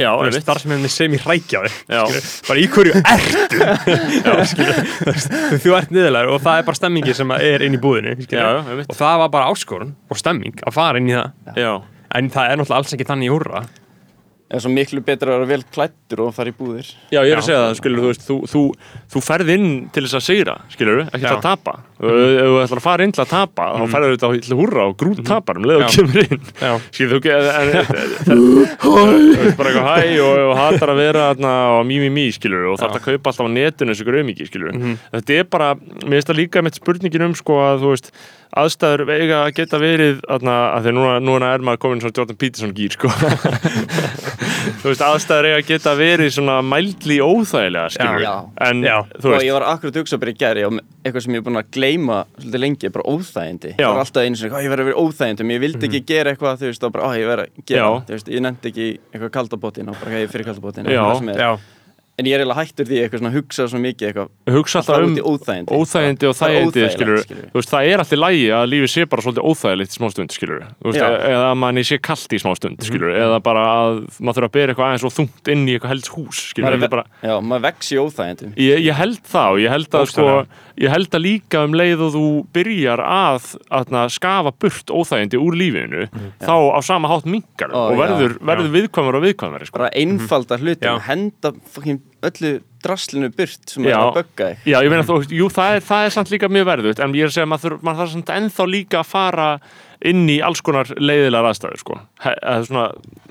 Þetta er tilneying að, skilur hjá fólki að fara bara og sleppa öllu Já. sem er bara eins og fara í þetta podcast Þú sló það Já, ófæðilegt, en þú vext að því Já. Einmitt. og við erum á góður óli, góðu þáttur skilur, Vignir Já. Heiðarsson ég er mjög ánægð með þátt, ég, atna, hvað þurfum að ræða fleira sem er Já, stórt í en, en, en, en sko, með þetta óþægilegt, það er bara svo áhugavert líka sko, hvað, hvað er mismunandi, hvað fólki finnst óþægilegt Já. eins og fyrir einhverjum að koma í þetta podcast væri bara, ég myndi freka skjóta mér í hausinu að það, Já, já. eins og fyrir mig að fara upp á svið og dansa skilur, fyrir, fyrir framan fólk skilur. Já, já. ég myndi freka skjóta mér í hausinu að gera uh, og það er alls konar hluti sem eru bara hræðilegi fyrir einhvern uh, og ógeðslega auðveldi fyrir annan. Eins og ég get lappa inn í húra Reykjavík án að hugsa hvað þeim finnst um mig. Já. ég, ég, ég hugsa ekki svoleiðis en það eru samt ógeðslega margir sem að hugsa það. 350 já, 350 mann sem að læka, þetta á, á Twitter Já, já. veist, það er uh, mismunandi eftir því og fólk smíða sinn eigin heim og einmitt, það er að auðmikið sem þú getur gert er að smíða heimiðin þannig að þú þurfur ekki að díla við neitt Mm. Að þú ferð, kaupir allt á netinu Já, einmitt. og ert bara að gera sama hlutin aftur og aftur og aftur og hitta sama fólki sko ég, ég, ég held að maður þurfi einmitt að vera eins í á sko, ég var einhvern veginn hjá þarna ég fíla svolítið að förum í svona markþjálfa pælingar, bara svona eins og öll íslensk Já. podcast sem er Já. alltaf svona hvað Já. þarf að gera til þess Já. að vera sterkur og flottur ég var einhvern veginn í þarna jafningjafræðslinu og þá vorum við með eitthvað fyrirlestur frá einhver gaur sem var að tala um sko munin á þægendasvæðinu og e, þægendasvæðinu tegjusvæðinu og paniksvæðinu sko. þú væri með þú veist, þægendasvæðið, það sem mm. bara alveg örugur og svo væri með tegjusvæðið sem er svona Það er, það er góða svæðið, það er svona stretchið skilur og svo erum við paniksvæðið, við þekkjum náttúrulega paniksvæðið skilur það er sumt sem að ég ræður bara ekki við Nei. sko. og maður á ekki að fara paniksvæðið sko. maður á bara að fara tegjusvæðið sko, samkvæmt þessu um, uh, hvað er, er eitthvað sem þið finnst óþægild Vignir? og svo meikar ekki, fyrir utan að fara í podcasti Bara lifa já, Já. Vakna á hverjum degi. Hvernig vaknar Hvað hugsaður um, um leið og vaknar? uh, Eitthvað neikvætt fyrst Svo hugsa ég, á ég var að hugsa eitthvað jákvætt. Mhm. Svo morgun hugsa ég, oh, fuck, eitthvað. Svo hugsa ég bara, já, nei, hugsa eitthvað jákvætt. Mhm. uh, Bara eitthvað kveikja ljósin Opna glukkatjöld, fór sér vasklas Bara eitthvað svona basic Já. Góða við sig, Mm kaffi, kaffi. Skoða málin Vá, aðeins. Kaffi, gekkja velta fyrir sér deginum. Mhm. já, maður vaknar alltaf alltaf svona alveg í blábyrjun dagsins þá hugsa maður, úff. Já, ég fæ þunglindis gusu Já. beint yfir andlita Eh, þetta gerist, þetta, ég, ég skil ekki alveg hvað þetta er. Ég, Þegar ég var eitthvað á keto Það va- vaknaði ég bara ógislega ferskur Já. Alltaf. Ég var, wow, Það var bara eitthvað merkilegt. Þú voru að fara aftur á keto.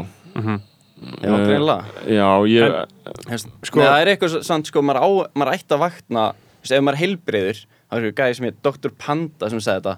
Eitthvað if you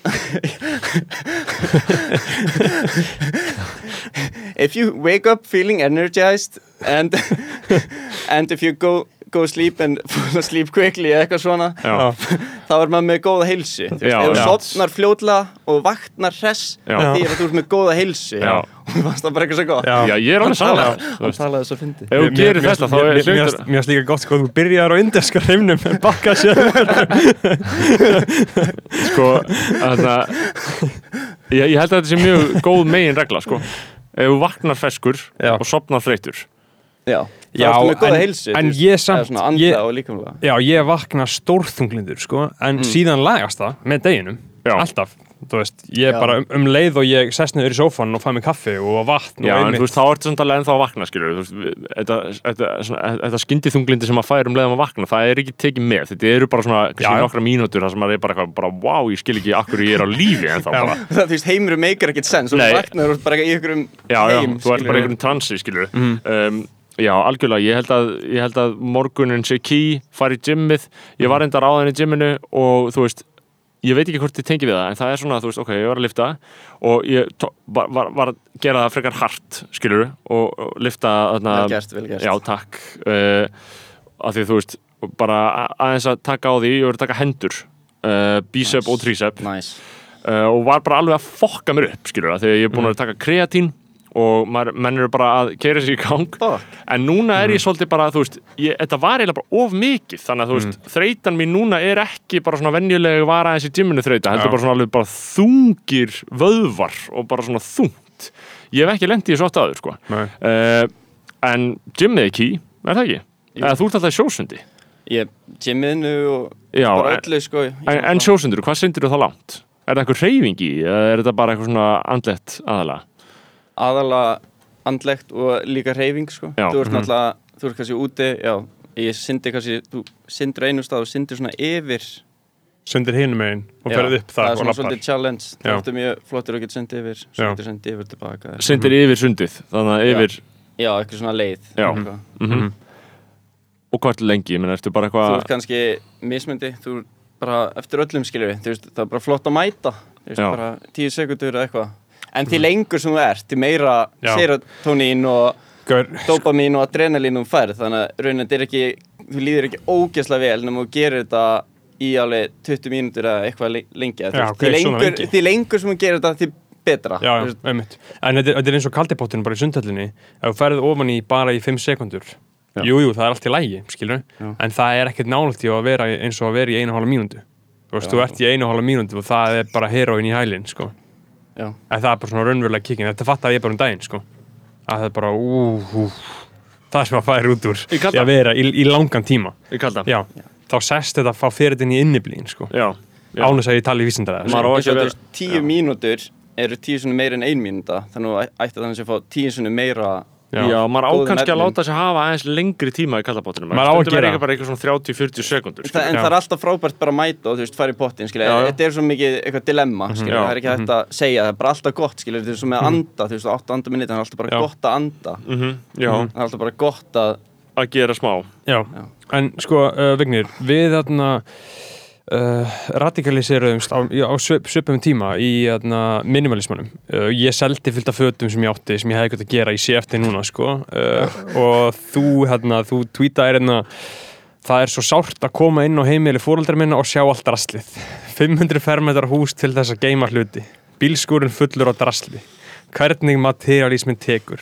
Einu sinni tók ég húsi í gegn og fann 13 sægir. það er ekki grín, það er bara 13 til 15 einhverja sægir, Já. bara suma reyðgar, ógist, þau þau bara safna hlutum, henda Mhm. bara, þú veist, Ég var eitthvað að koma er þarna og scavenja því ég þarf svo- mikið fyrir mínu íbúð sko þetta er svo, á, þetta er svo óþægilegt eitthvað, Mhm. þú veist, að eiga svo mikið að dóti og þú veist, þú veist, hvernig átt að geta séð um hlutina og átt endur, þú veist, að þrýfa hlutin svo veist, að laga einhvern hlut og átt endurist að hlutum það er allt eitthvað í ruggli því bara færri hluti sem þú átt því betra er lífið en ég, en ég tók eitthvað svona The Minimalists það Já. var eitthvað podcast sem ég bingeaði á eitthvað manni þryggja vikna áfanga í skólanum Ok. og þetta bara, ég var bara leðu komin úr skólanum, hlustaði bara á þetta podcast og ég var að laga til Mhm. og ég var svo reyður út í bara, bara líf mitt og bara allt sem hefur gerst og bara eitthvað svona Mhm. bara ég var bara að henda öllu og þetta var svo gott, þetta var svo frelsandi bara henda öllu, bara hlusta á þetta minimalist og meðan, þú veist og meðan þú ert að þrýfa er þau að tala um bara eitthvað þú þarft ekki þessar hluti í lífinu og eitthvað sem er bara eitthvað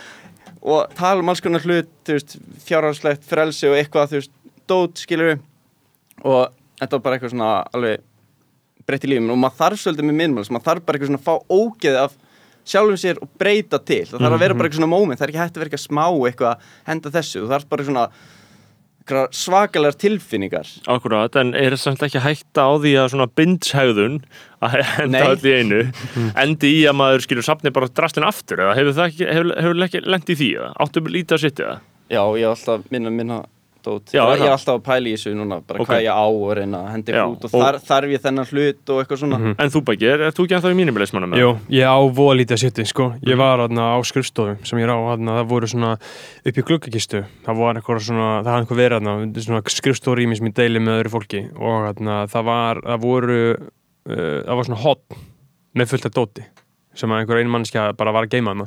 Og þetta voru eitthvað svona litabók og perlubók og fjórar bækur og ein þarna og pennar og ólíur og eitthvað til þess að þarna, hvað heitir þetta svona mm, föndra, það var bara svona föndur shit. Já, sópa þessu öllu Já, hún í ruslabóka og og þetta voru svona 34 hlutir. Mhm. og ég bara horfði á þetta og ég hugsaði bara ég ágið 34 hluti Mhm.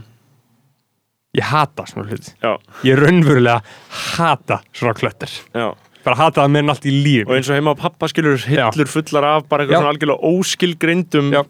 hlutum Já. Þú veist, Hva- hva- bara- hluti sem ég ger ekki neitt, bara já. engin tilgangur og alltaf, alltaf eitthvað svona, hvað ef þú veist, það er alltaf svona, ef þú hlusta á þetta. The Minimalist bara byrja þátt eitt, bara mælum með þessu. og, og meðan þið er að þrýfa svo kritikal eins og meðan þú ert að hlaupa hlusta á podcast um að hlaupa, það er svo geðveikt. Og Já, og það er svo mikið eitthvað svona hlutum bara sem að sem að alltaf svona just if bara ef, ef það kemur ykkur í heimsó þá er þetta bara eitthvað spari stell og eitthvað rugl Já, kjátt Þetta er eins og sko, skúffunar hjá pappa líka sko, uh, eldhús uh, áheldin sko. Mhm. það, eru, þú veist, það eru bara til sjö spaðar skilur uh, sex risastóra skeiðar Mhm. skilur Já, og bara endalust af sétti en máli er, ég brendi á þessu. Ég, þegar ég er radikaliseraðist full blown fyrir kannski svona tveimur árum eða eitthvað. Ég fór bara algjörlega að hata allt. Radikaliseraðist Já. Já, og bara, bara trúði á þetta. Var búin að hlusta á okkur podcast og horfa á okkur heimildmyndir og endalist sko. uh, þá seldi ég fullt af fötum sem ég sé eftir að hafa selt í dag sko.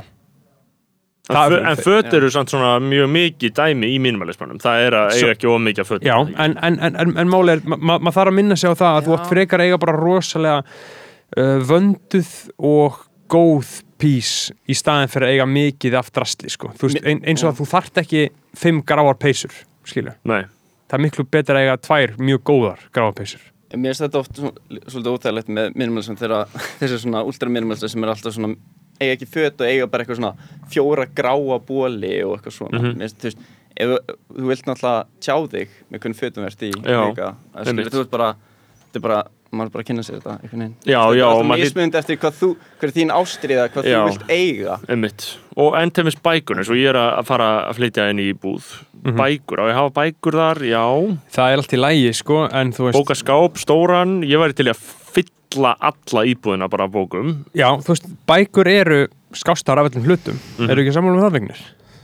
Já, þú veist, ég, ég er bara með Kindle sko, ég Já. Já, með en, en sko já, þú veist, maður fær alveg svona líður mjög vel. Þú veist, þú veist með stóran bókaskáp. Já. Það er alveg svona næs að geta tekið ykkur á Þetta bók er symbolist. Symbolist, Já. já. en það er alveg geggja eiga flottan bókaskáp með flottu bókum, skilur við Mér finnst ekkert skemmtilega en að vera bara fyrir framan eitthvað bókaskáp. Bara taka eina Skoða, bók út, já. setjast og lesa. kannski líka þá auðveldur að vera ekki símanum ert með bækur, þú veist hvað ætlar annars að gera? Sko, lífið á að vera þannig að maður, þá slökti ég á netinu í símanum klokkan svona kannski 8.30 eða 9 og það, ég kveikti ekkert á netinu allan daginn, eða svo notification segja samfélagsmeila með einhverjum, þannig bara alltaf finninn bara síðdeis og þá ok. ertu bara, þú veist Þá lifur lífi þá ertu bara frjáls allan daginn og ertu bara í bókum og dagblöðum og eitthvað svona á bókasatninu, skilur og bara opnar einhverja bók hér og þar skilur, það er lífið sem maður á að lifa en það er ekki lífið sem við lifum. Nei, Það er lífi sem er mjög erfitt ég er búin að að- vera að berjast við farsíma fí bara frá að ég verið í verslu Já, Já, ég líka. Ha- haldið þetta að ágerast hjá manni ég held að þetta að ágerast hjá manni ég held að þetta verði bara verra og verra sko. Já, sko bæði og, maður sann séð núna að fólk er ekki, þú veist, þau eru að hittast vininir fólk er ekki í símanum, nei, jú stundum en já, akkurat, það er svona allur gangur á því kannski aðeins minna. Það komur svona smá meðvitundum að gera þetta ekki. En ég meina, ég held samt að þú veist, þegar maður er í alveg skemmtilegum aðstæðum þá er maður aldrei raunverulega að pæla í síman skilur, þegar maður er bara í einhverju partí þá bara er maður ekki í síman, skilur Nei, það er svolítið einmitt þegar maður er mest busy þá er maður ekkert, veist, í prófum eitthvað þá er maður alltaf bara ekkert í símanum skilur Nei, myndi, ég var í framkvæmdum um daginn bara eitthvað að vesenast, að harka, harka, harka og bara klára shit, skilur, og þá bara fóru líka bara heilu fréttina fram hjá mér, bara stór fréttamál bara, bara, við þessi ekkert hvað það var að gerast, sko. Já Já, öll fréttamál frá frá mér, sko Vá, ég vildi ég hefði ekki fylgst með þessu Trump fréttum og því öllum er Uh, ég sakna Trump Ah. mikið. Þannig að ég gamla þetta Já, ég fylgdist Já. alltaf mikið með þessu Já. Já. Ég fylgdist ógæðislega mikið með að, að Ég fylgdist svo ógæðislega mikið með sko, uh, demokrata kostningunum Mm. Mér, ég, mér fannst það bara Fór já, kostningunum í Fórkostningunum, demokrataflokknum. já, já. Já. Það fannst mér skemmtilegt að fylgjast með og síðan bara um leið og Sleepy Joe vann þá hætti ég fullkomlega og, og sérstaklega Já. þegar Trump fór eins og núna, ímyndi ykkur hvað þetta fucking eðlu fólk er að gera núna í skjóli, þess að engi sé að fylgjast með Já, Biden og Pelosi og allt þetta hiski já, það er að drekka blóðu bönnum, sko. Já, já, Um, ef að taka stutta pásu. Já. Já. Við erum konur aftur. komin aftur Halló. miklu meiri Við kraftir erum með Vigni Heiðarsson. Uh, skemmtikraft. Röddin er eitthvað breystvegnir Já, ég var að, ég var að hérna tók helium blöðru Já, Ég er með greininguna þína hérna, Vignir, undir höndum. Uh, það segir hérna að þetta sé trúnaðamál en uh, við rjúfum trúnaðinn. mhm Þetta er, sem sagt- þetta er gögn frá því að þú varst hjá Sálfræðingi árið 2016 og fegst greiningu uh, á ADHD. Já, Uh, þú ert með ADHD. já, Já, það er bara staðfest Já, aðalega HD, pína AD Ok, hver er munurinn á þessu? HD er hyperactivity disorder Mm og það er hérna bara, þá er maður svona mistari Mhm. svolítið. Uh, Kvatvís er eitthvað einkenni held ég. Já, um, og virkni, já. En AD er attention disorder. Ok og Þannig það að er þetta aðtiklisbrestur og ég sem, ég er með geggjað blöndi ég er mjög mikið af, þú veist HD og það lítið AD Ok, og þetta er hérna og ég er unni, já í ykkur, hvað, hvað stendur, fjör staðfræðik já, sko Þetta eru uh, Ég ætla, skal fara yfir þetta hérna. Ég held ég sé eitthvað 0,1% mest, þú veist, í Já, HD-inu þetta er sko 5 af 5 enginn af 6 í A-hluta uh, og 8 enginn af 12 í B-hluta en það er samt væntanlega bara í innan prófsins sjálf með, með þessu ADHD uh, þetta er alveg gríðarlega svona við umfangsmikil greining. Þetta er svona ADHD total en 39 af 90 og ég kann ekkert að lesa í þessa tölu sko, hildar fjöldi engina er 14 já, hérna erum við sko. Fjöldi engina aðteglisbrests eru sem sagt 7 og fjöldi engina ofvirkni eru líka 7 Af hvað mörgum? Uh, 7 bara stig. Ég, ég skil ekkert í þessu sko. Nei, þetta er, þetta er alveg rosaleg starffræðina sem ég er ok. með fyrir fram mig það er bara M sama sem 6,3 pluss 1,5 SF sama sem 13,4 þetta er svona alveg bara, það er ekkert að grínast. Uh, þunglindisenginni innan eðleramarka kvíðaenginni átjónsteg, ertu kvíðin? uh, ve- ég er mjög mikinn prófkvíða. Ég var alltaf æla fyrir próf en ég vann á því og ég er ekki lengur með það. Og færðu færðu svona kvíðakost já, það var fyrir, ég manni og bara eitthvað með niðurgang og Já, fyrir próf það var eitthvað það er Ég alveg var og hérna, það var svolítið í verslu en svo vann ég á því, ég tók alltaf daginn fyrir Mhm. próf, þá bara lærði ég ekki og farið bara út að hjóla og anda Mhm. og eitthvað, gera eitthvað uh, og já, drekka smoothie, skilur ekki borða, þú veist, bygglu eða eitthvað. Þá ælum maður, ef maður drekka bara svona fljótandi Æli maður ef maður drekka fljótandi. Eða á maður, síður, Já. það er betra að drekka fljótandi. Ok, einmitt, frekar en að borða beglu já, eins og áður komum hérna, fastaði bara, ég nefndi ekki að taka sensin að borða eitthvað. Fastiði gott sko. Svefn, Vignir hefur átt erfitt með að sopna uh, segist hann stundum kvíðaði að fara að sofa þar sem hugsanir hans eiga til að fara á flug. Hann hefur reynd að dreifa huguna með því að sopna við áreiti sjónvarpið að tölvu, gerur þetta ennþá? Mér finnst Um, ógeðslega gaman að taka svona læknis viðtal eiginlega ekki, eiginlega ekki þegar ég á hérna þau þökk sér kæristu minnar, hún er mjög svona fyrir bara svo klukkan, hún fyrir bara svo klukkan tíu Já, skilur og ég reynir bara eitthvað að lesa bækur núna og eitthvað já, einmitt Þa, en það ef að hún er ekki þá gæti ég dottið inn á YouTube rabbit hole sko. Já, það er auðvitað alltaf hætt við því sko. Ég, ég, ég, reyn, ég er að hætta alltaf í símanum eftir klukkan tíu á kvöldi en Já. ég bara, maður er eiginlega að gera. Ég held að, sko Mér finnst að fólk ætti ekki að geta tala um að hafi svefnvandamál fyrir það hefur prófað að bara sleppa tækjum og leggjast upp í brúmi bók Vá. sem er eina uppskriftin að svefni og jánuleg þú sé ekki bók bara bara sitja í sófanum og gera ekki neitt, bara eitthvað. Uh, I don't know Sko, Vignir var mjög spennusækin sem barn úlingur. Hann átti til að stunda skemmdarverk, svo sem að brjóta hluti eða króta byggingar. Hann segist hafa verið mjög leiðitamur og hegðun hans mótaðist nokkuð eftir í hvaða félagskap hann var í hverju sinni. Þetta er aðtilsvert, spennusækin, ég meina ég held að við höfum nú verið það flestir. Uh, ég er svona að reyna að lesa af þessum texta sko, hvar það er sem við fáum þetta, þessa ADHD staðfestingu sko. Uh, það er aðalega í þessum einbeitingar skorti uh, og uh, hérna eru ummæli frá móðurðinni uh, og býtu, ég er hérna með svona konkrétt, já, Vignir er mjög kvatís og hann segir vini sína að nefna oft við hann að hann síni, síni töluverða ofvirkni og sé gleimin Vignir á erfitt með að halda sig við áhuga mál Gleimin?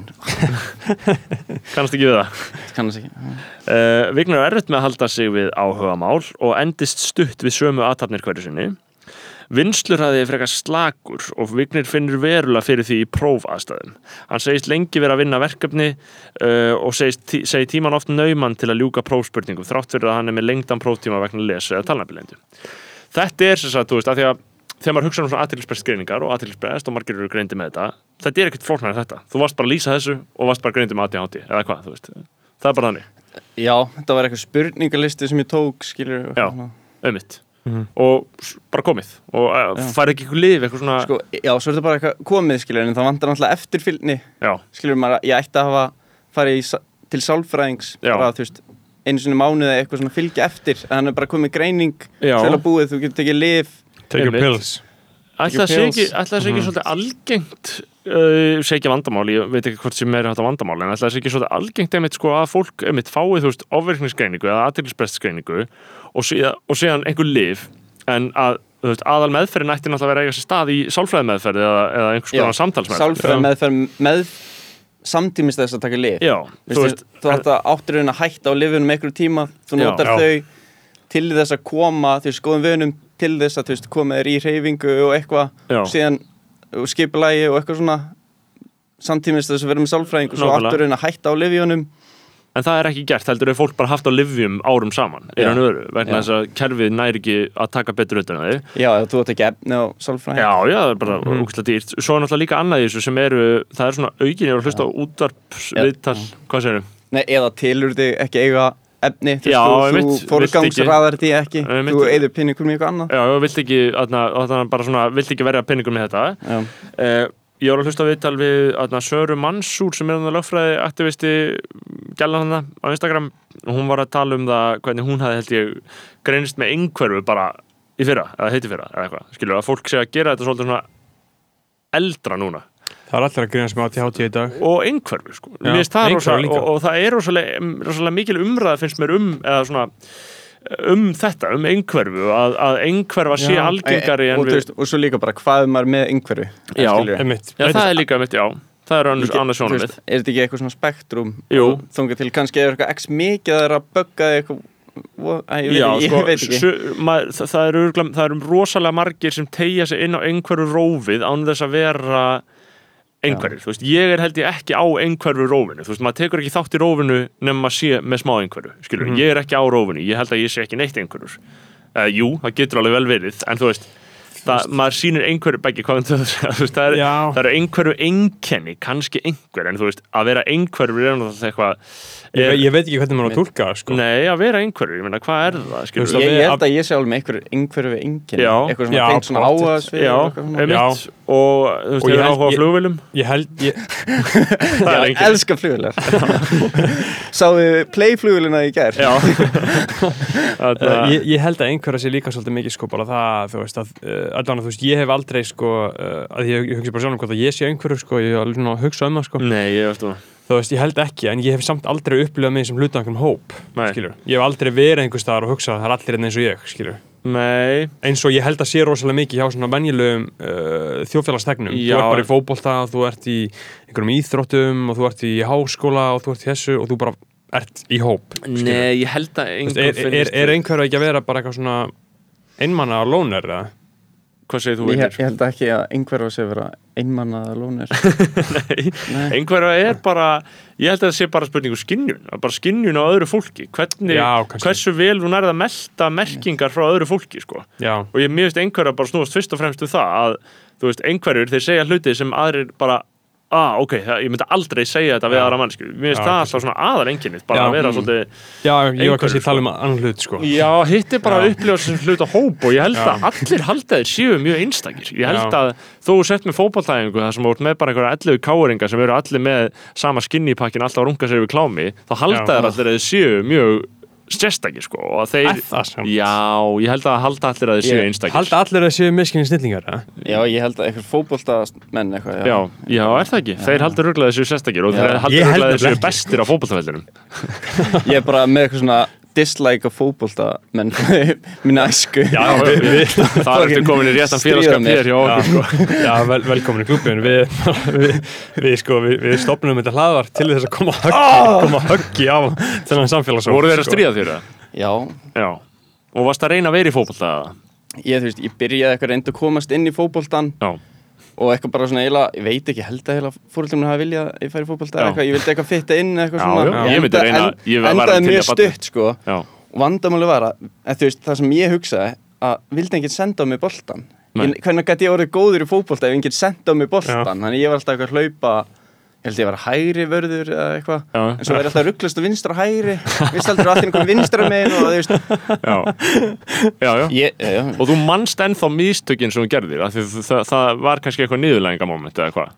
Ó já. Já, Já, ég, ég, meni, ég, ég man eftir að mér var stríkt fyrir að geta ekki lift boltan já, að vippa honum Já, upp. að að- að skjóta fyrir auðvitað vítateig, já, og ná ekki að lifta boltanum. Mhm. Skilur, ég Já. man bara þetta var bara stærsta vandamálins mín að geta ekki lift að boltanum koma einmitt, að, þú veist, að, að chippa undir hann nægilega vel þannig að hann fara bara, flug. bara, bara hitta rétt. En mér finnst- fótbolti mjög skemmtilegur að spila en mér finnst kúltúrin svona já, un unproductive. Mér finnst þið bæði alveg ömulegt sko. íþróttin er líka per se jú, ég er eitthvað getur- einhver leiti, hún, er alveg góð sko. ef þú ert að spila sjálfur. Það var einn, einn svona atvinnumæður sem að kom, við vorum að spila hérna, vinnu mínir hérna og kom einn svona atvinnumæður, hann var svo ógíslega næst hann sendi alltaf boltan á mig og var miklu svona virðingu fyrir mér og því ég var lélegastur og var bara geðið næs. Þannig að það var svona, já, já, einmitt svona samúð með lítilmagnanum já, mér fannst það bara eitthvað. Hann var, atna, uh, hann var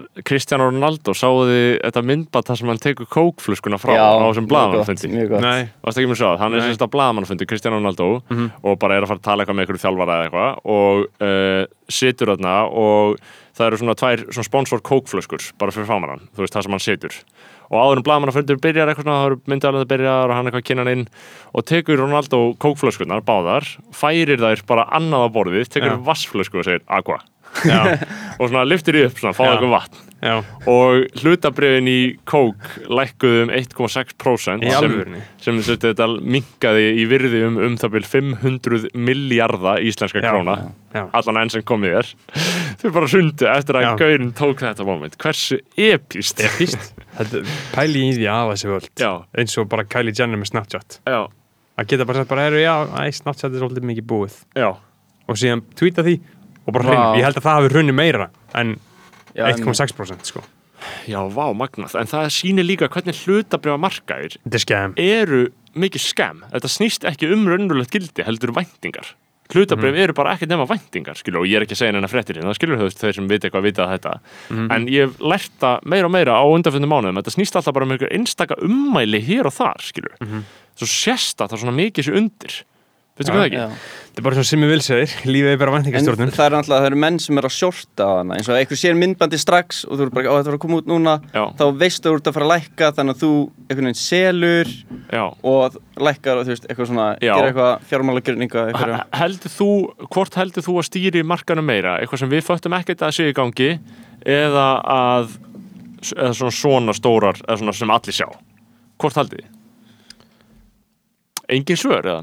engin svör. Nei. Engin, engin, engin svör Nei, nei, ég, ég held að það sé svona svipa bara ég bara, já Það ég, er alltaf verið að tala um skilur að bitcoin skilur, þú getur fært bitcoin veist, að gaur, einhver nokkur gaur að geta bara ákveða að færa bitcoin skilur, bara um x mikið bara þegar þið vilja, skilur, bara með það að selja og kaupa og selja og kaupa. Uh, það, það er bara eitthvað dæmi sko. Já, sko Um, við, ég, ég, ég, bara, ég skil ekki neitt svona fjármáladót og mér finnst allt Já, það, leiðilegt, já, sko. líka leið Já, það skilir bara eitthvað svona fjármála shit ég, ég er svona, svona blindu á, á krypto en ég hugsa ekki um það. Um, Vignir, þarna sveppir, Já, þú ert uh, sveppa rektari með það ekki rétt hjá mér. Nei, en Ég- þú, þú hefur verið að hugsa mikið um að gera. Já, ég hugsa um að en þú hefur gert það líka, ekki? Nei, Hefur aldrei rækt að sveppi? nei, Akkur ég held ég að ég hef gert það? ég hef tímt sveppi. Va vaksaðir ekki bara úti hjá vaxa einhverju tríð Já, vaksa bara úti. Fann eitthvað á spott hérna í Fossvogi. Já. og, og, það var bara eitthvað út um allt bara sveppinir og, og heldur þetta hafi verið, þetta voru alvöru sveppir Já, já, Stuðsveppir, Já. síl og já, sípin já, og Já, hvernig töfrasveppir. eða hvað hva, hva á maður aftur að kalla þetta? Hugskið? Hu- hu- bara hu- hu- Hugvíkkandi. hugvíkkandi efni Já. já. Hugvíkandi efni, það er það er sem þetta er. Mynd, en þú veist, ætti maður að tólka náttúruna þannig að þar sem þetta vex uh, bara á næstu grösum við okkur, að þá sé eðlilegt að geta þetta ætti maður að, þú veist, tólka það sem merkir frá Guði um að maður eigi að prófa þetta hvað finnst ykkur? Já, Já, ég minna að þú veist bara grass, it's just a plant bro. Já, It's just a plant bro, it's just a mushroom bro. Já Þú veist, uh, Professorafræðin segja það. Professors. Já, Ég myndist bara að ég að löglega þetta allt og Já. vændi. Óvændi Já, Og- og- talað um skoðanir, skoðanir Það er bara, það er tala bara einfald að þú ert bara að taka burt lög bara, Já. Já, einmitt, en, en, en uh, sko, það er samt eitthvað svona sem er svona inherent erfitt við að gera þetta sko. að taka bara eitthvað lög og bara þurka því út. Það þarf alltaf að koma eitthvað svona í staðinn geðað mikið rifrildi, geðað mikið umræða. Uh, það er eitthvað við samfélagið okkar sem er þannig sko. annars væri ég mitt sammála því að það ætti bara að þurka út lögin um að gras væri bannað, þau hafa ekki drullast að gera þannig á alþingi að afglæpa væða neysluskamta uh, en við höfum náttúrulega líka velti, velti fyrir okkur hvort að neyslan aukist við að gera það sko eða ekki. Nei, hún gerir það ekki. Uh, já, Fólk, fólk verður líka að bera ábyrða sinni eigin nýslu já, já, al algjörlega. Þú veist það er náttúrulega punktur með þessu. En, en með þessa sveppi skilur tíndur þá og seldir þá eða? Ég týndi þá, þurrkaði þá og, brjót, og hérna setta í svona pillur sem ég kefti hérna í hvað heitir það, búð svona græmmyndis hilki og þá notaði þetta sem svona microdose. Já, já, og blanda því með Lions Mane sem er annar sveppur sem að þú getur keft hjá önnu rósu grasalækni mhm, Ekkert í búið það uh, þið voru allan ólögulegu í Danmörku. Þú getur fengið annar rósu grasalækni og eitthvað annari búð. Jú, getur alveg fundið þetta í vegan Já. búðinni. Já, einmitt. Lions Mane sko. Paul Stamens segir um að reyja að blanda því saman við Lions Mane Ok, Þetta a- er sælusæpin og Lions Mane Af hverju? bara fyrir, til þess að auka eitthvað eitthvað, ég veit ekki. Hann segir það bara og hann er bara veist, bestur í, á þessu sviði sko, já, já, snillíkur skilur Hann er sveppakongurinn já, þetta er fyrir eitthvað, eitthvað svona innbyttingu eða eitthvað en, en, en og, og, og, og getur þú síðan líst í hvað áhrif þetta hefur? Að innbyrða þetta í svona örsköndum um, nei, ég get eða ekki líst í Nei. ekki eitthvað núna eitthvað, bara svona, þú veist hvað gerir þetta? ég er bara þú forvitið svona horfir einhvern veginn meira á ég meina það sem þetta gerir er náttúrulega þetta er dregur úr hérna default mode network svona, sem er heilasvæði í heilanuðinum ok, dregur úr virkni þar sem er einhvern veginn tengist egóinu mhm. þannig að þú getur hort betur inn á sjálfa þig og séð hvað þú ert að gera slæmt eða gott, skiljum mhm. Þannig að þú getur séð bara, á já, á ég er búin að drekka alltaf mikið. Bara, og án þess að þú veist, þú takir það inn á sjálfa þig þú getur Já, bara, verður maður ekki, hlegið að því verður maður ekki viðkominn fyrir því? Í- þetta gerir þig meira viðkvæman held ég Já, að taka þetta einmitt. En þú veist, einmitt, það, en mér en stemmir þetta er svona microdose, þú getur bara mætti vinnuna Já, og, já, og, og bara, Það er annað að microdosa þetta og taka uh, tripp já, ég, ég hef aldrei tekið svona almennilegt tripp sko. Nei. ég var alveg til að gera það Já. Já, sko, ég var uh, á, í bíó í gær á þarna saumaklubnum saumaklúburinn, þarna kvikmynd eftir Göggu Jónsdóttur sem er í bíó núna og þetta eru uh, fimm miðaldar konur sem að fara saman uh, upp í sömumbústað og vinna uh, og, svona margt koma upp krísur og vesen og það er vinna úr því og takast á það sem vingunópur og sér endar myndin að það vera sveppatripp eða skilur, að, að, að, að það trippa allar Mhm. og það var mjög raunverulegt sérstaklega sko fyrsta fyrsta senan fyrir þá sem hafa sé myndina sem að setja allar úti við grillið það er mjög raunverulegt. Og þetta var bara mjög sko skemmtilegt að sjá þetta í bara rosalega ótrúlega bara eins mainstream íslenski bíómynd og hægt er. Bara miðaldar konur að taka sveppi. Vá, Já, og áhörfundur myndarinnar, við vorum hana fimm gaurar í stórasalunum í Laugararsbjó og áhörfundur voru saumaklubbar skilur, þetta, þetta er svo fullkomin markasning, þetta voru bara kettlingar skilur, þetta voru bara vinkonu hópar af, af konum eða kettlingum eða hvað, hvað sem við kalla þetta skilur, 5, 6, 7 saman og það er gjörsamlega orguðu úr hlátri. Það er gjörsamlega trilltust Já. þú veist, það var sko bara, þú veist, það var sagt bara píka og allir gjörsamlega trilltust Vá, Og- ég og það voru- er og, og þær voru organdi úr hlátri alla myndina skilur. bara, og það var rosalega skemmtilega bíóupplöfun út af því og það, Já. við vorum að það bara og maður fór að hlæja og þær fóru svo mikið að skilur. að þetta voru svona 30 mismunandi hópar af konum hvar og, sástu þessa bíómynd? í laugararsbjó í gerkvöldi Ok. Já. Já, gerkvöldir Já, þú getur farið á hana, ég, ég mæli með því sko, að fara á svona peak hour til þess að vera með í þessa stemmingu sko. Uh, og þetta er náttúrulega sama mynd og þú veist, þetta eru sömu framleiðendur og gerðu síðustu veiðiferðina sem að koma út í fyrra sem var svona kalla útgána af þessu. Já, þetta er rauninni hvenna útgána af þessu, af þessu. Uh, en myndin endaði sér á þessu sveppatripi. Og þá fór ég bara að hugsa, ég meina, þú veist eru svona miðaldra konur og kallar þetta er ekki alveg, þetta er aðeins meira svona cursed af kallanir að gera þetta en þú veist, miðaldra konur, svona vinkonu hópar eru þær ekki allar í þessu? Hvernig er þau fætt? Hvernig var þetta?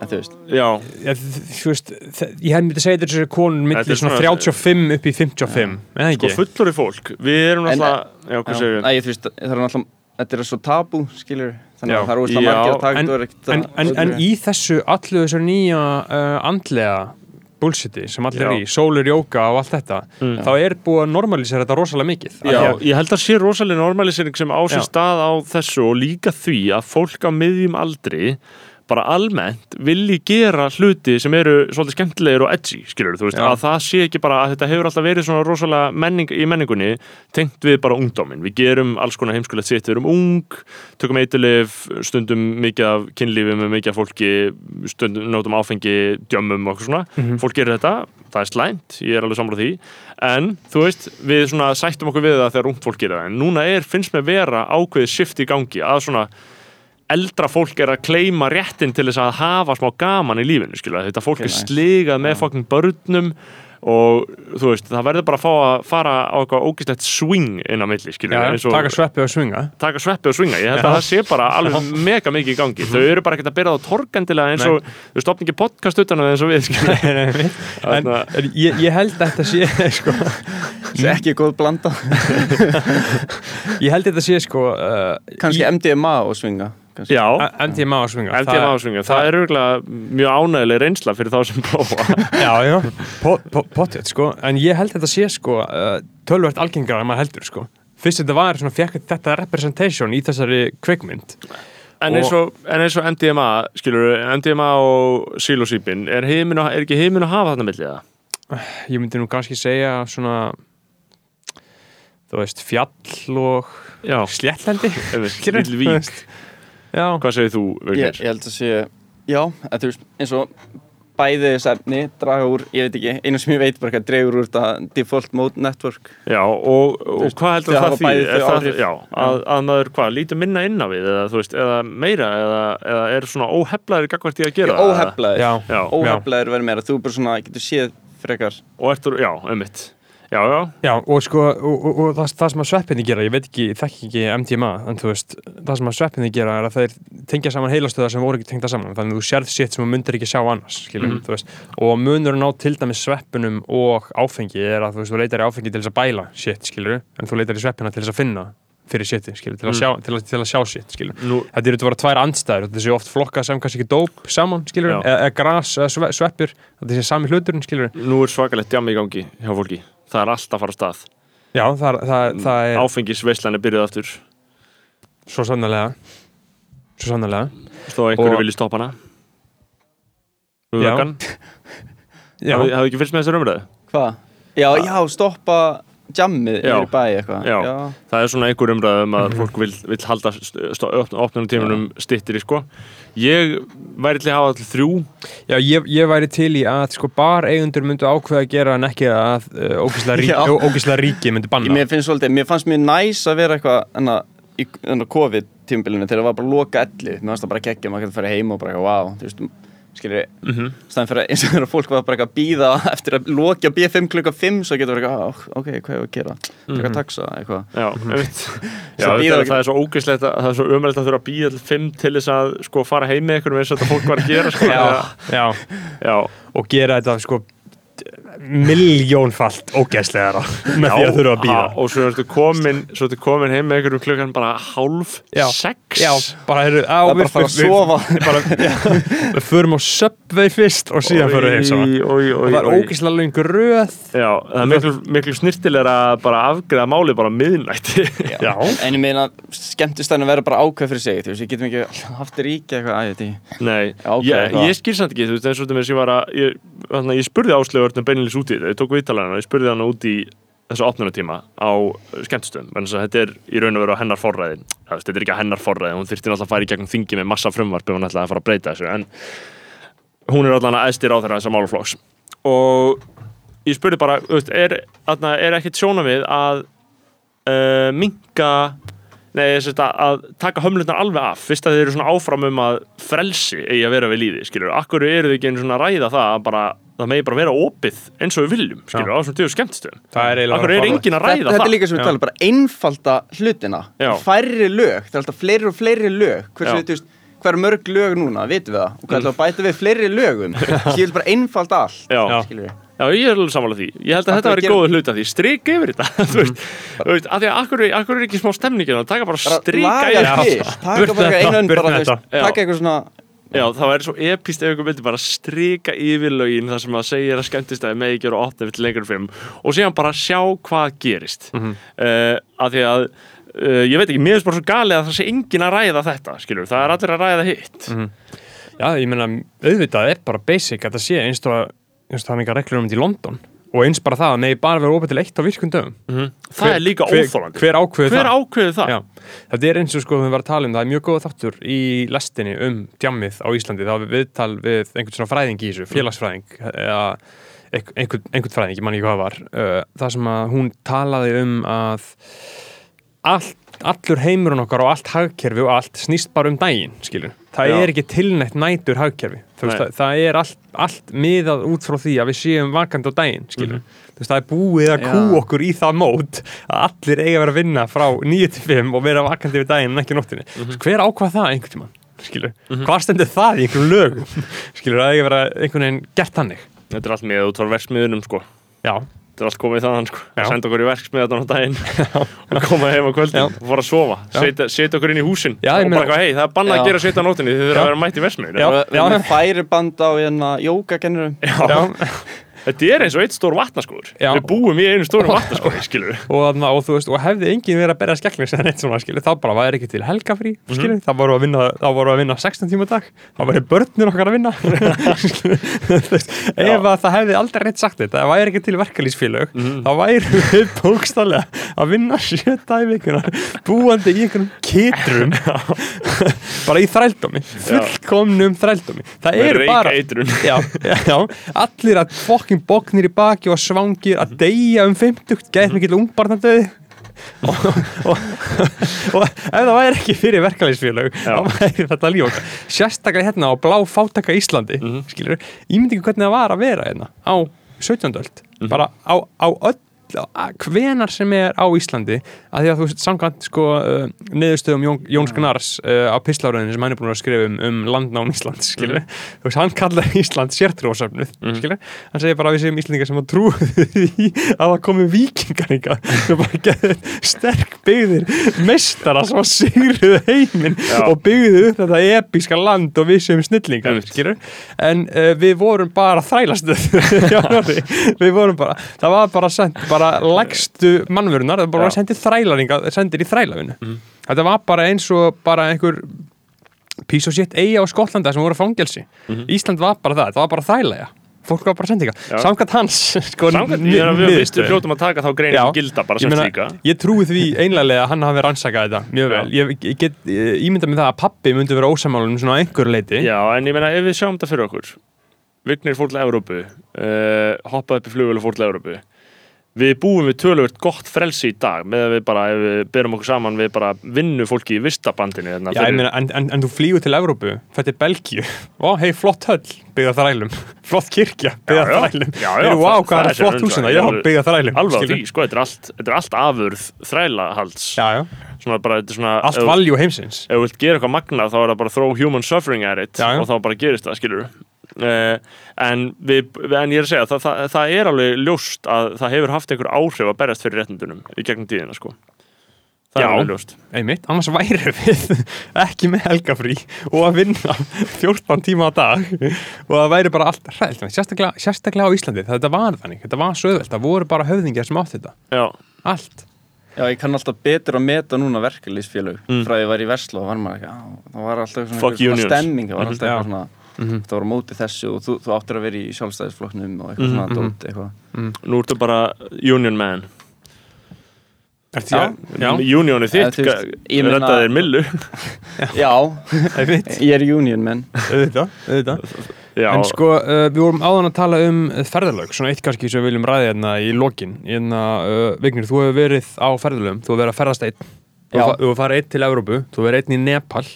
Já, það er ekkert grín Nei, Hvað er með þessi ferðalög? hvað er að frétta hana? Af hverju er það þessu? bara, ég, eitthvað svona þrís og sinnum gert að ég hef tekið bara flugmiða einn út eitthvert og það er bara raunin að sem- bara til þess að læra og já, bara læra Já, og, minna, Opna- já. og, og hvert hefur farið? Hva, hvað hefur verið svona sturlaðast að fara? Ég myndi segja að það var að, ég fór til Nepal og Tævan Mm mér varst það alveg mjög styrlað Ok, og hvernig var það? Veist- varstu bara meðal á meðal hvernig fólks varstu? Hva, hvern, hva, hvernig var fólkið þarna? í, Nep í Nepal var fólk ógeðslega slagt veist, það var allir bara einhvern veginn eins og enginn væri með vinnu All, og einhvern veginn allir lifðu og allir voru að geta næs allir að horfa til þín og á, áhersamur um þig eitthvað Mhm. og þú veist, það var bara svona allt annar heimur og það var bara svolítið sjokkrandi þegar ég sá þetta þetta er bara til, veist, þetta er ekki bara í ég hef alltaf bara verið í Evrópu, bara sé Ísland Mhm. bara sjá þetta er í alveg til og til annað í heiminum og til meira. Og ég er reyna að missa af núna finnst mér svolítið að vera á Íslandi. Já. En þú veist, með við já, Og Já, ég meina, hérna- og, og þú veist, þetta er það næst að maður myndi mögulega vilja vera hluta af þessu. Já, Ég hugsa þetta núna því að þú veist, COVID hefur svona einmitt stoppað mann. Og maður hefur einu svona hugsað um ferðalög. En ég ætla alltaf að ferðast eitthvað en núna er ég bara að verða svolítið gamall, skilur mm. -hmm.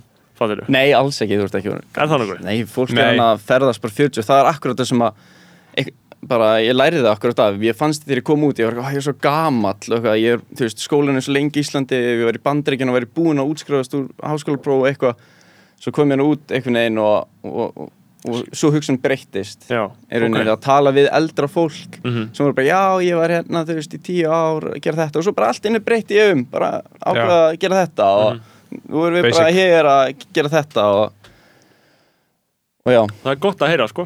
Að ég held að margir séu svolítið stressaðir eins og ég, einmitt svona hvað, ok, maður á að fara hérna 21 ás, verður maður að fara, þú veist, til Suður Ameríku og verið í eitt ár, skilur en maður lítur að geta gert það bara hvernig sem er. Já, algjörlega. Bara hvernig sem er og verið bara einhver 50 og kongur einhver staðar, Já, fucking mistarlegt Svo lengi sem maður eignast ekki börn og fjölskyldu.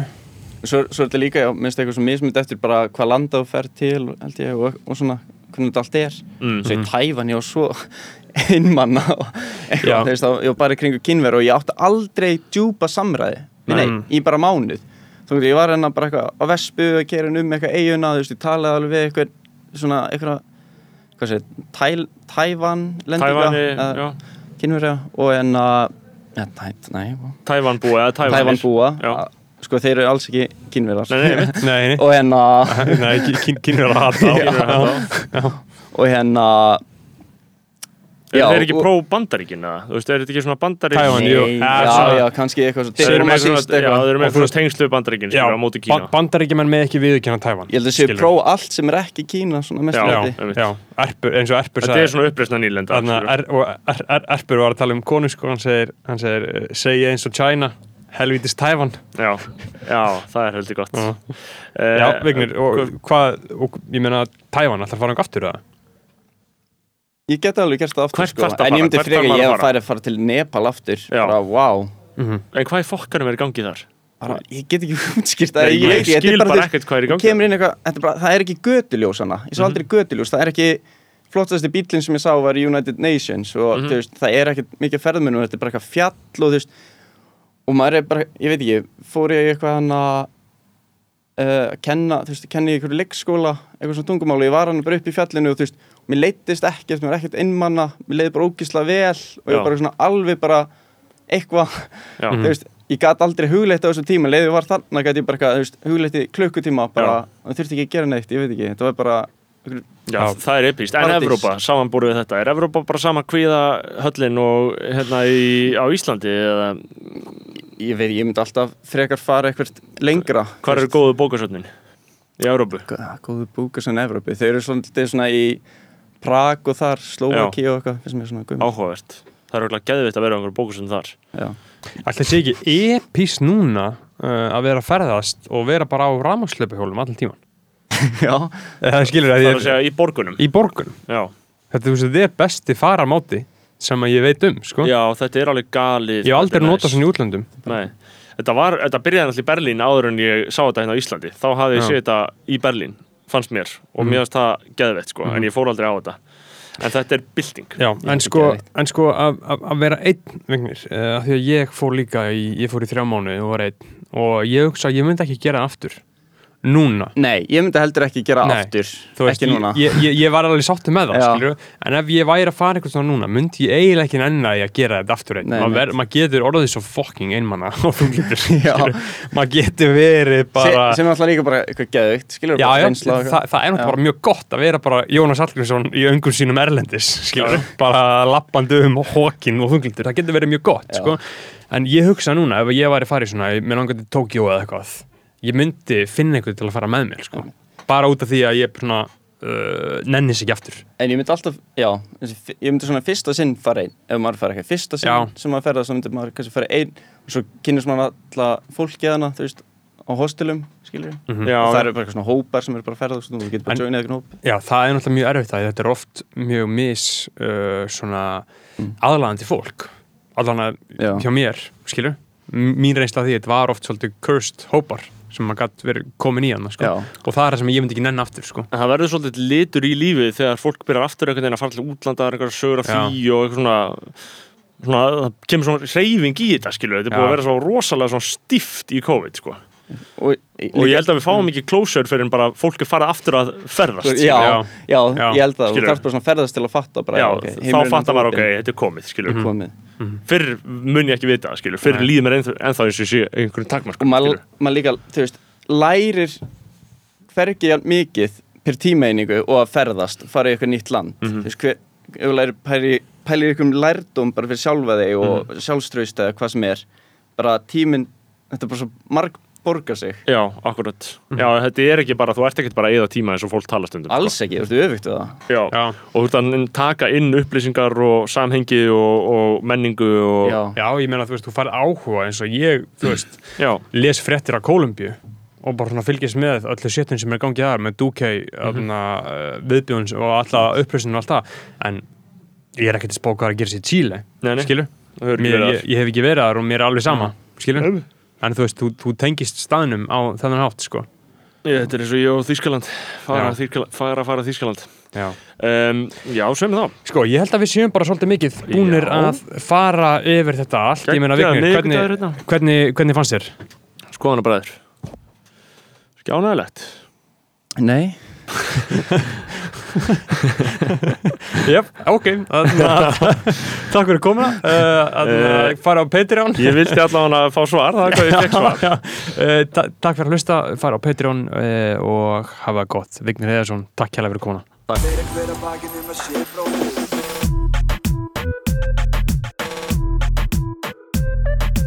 Fyrir hver að bakinn um að sé bróðir eigi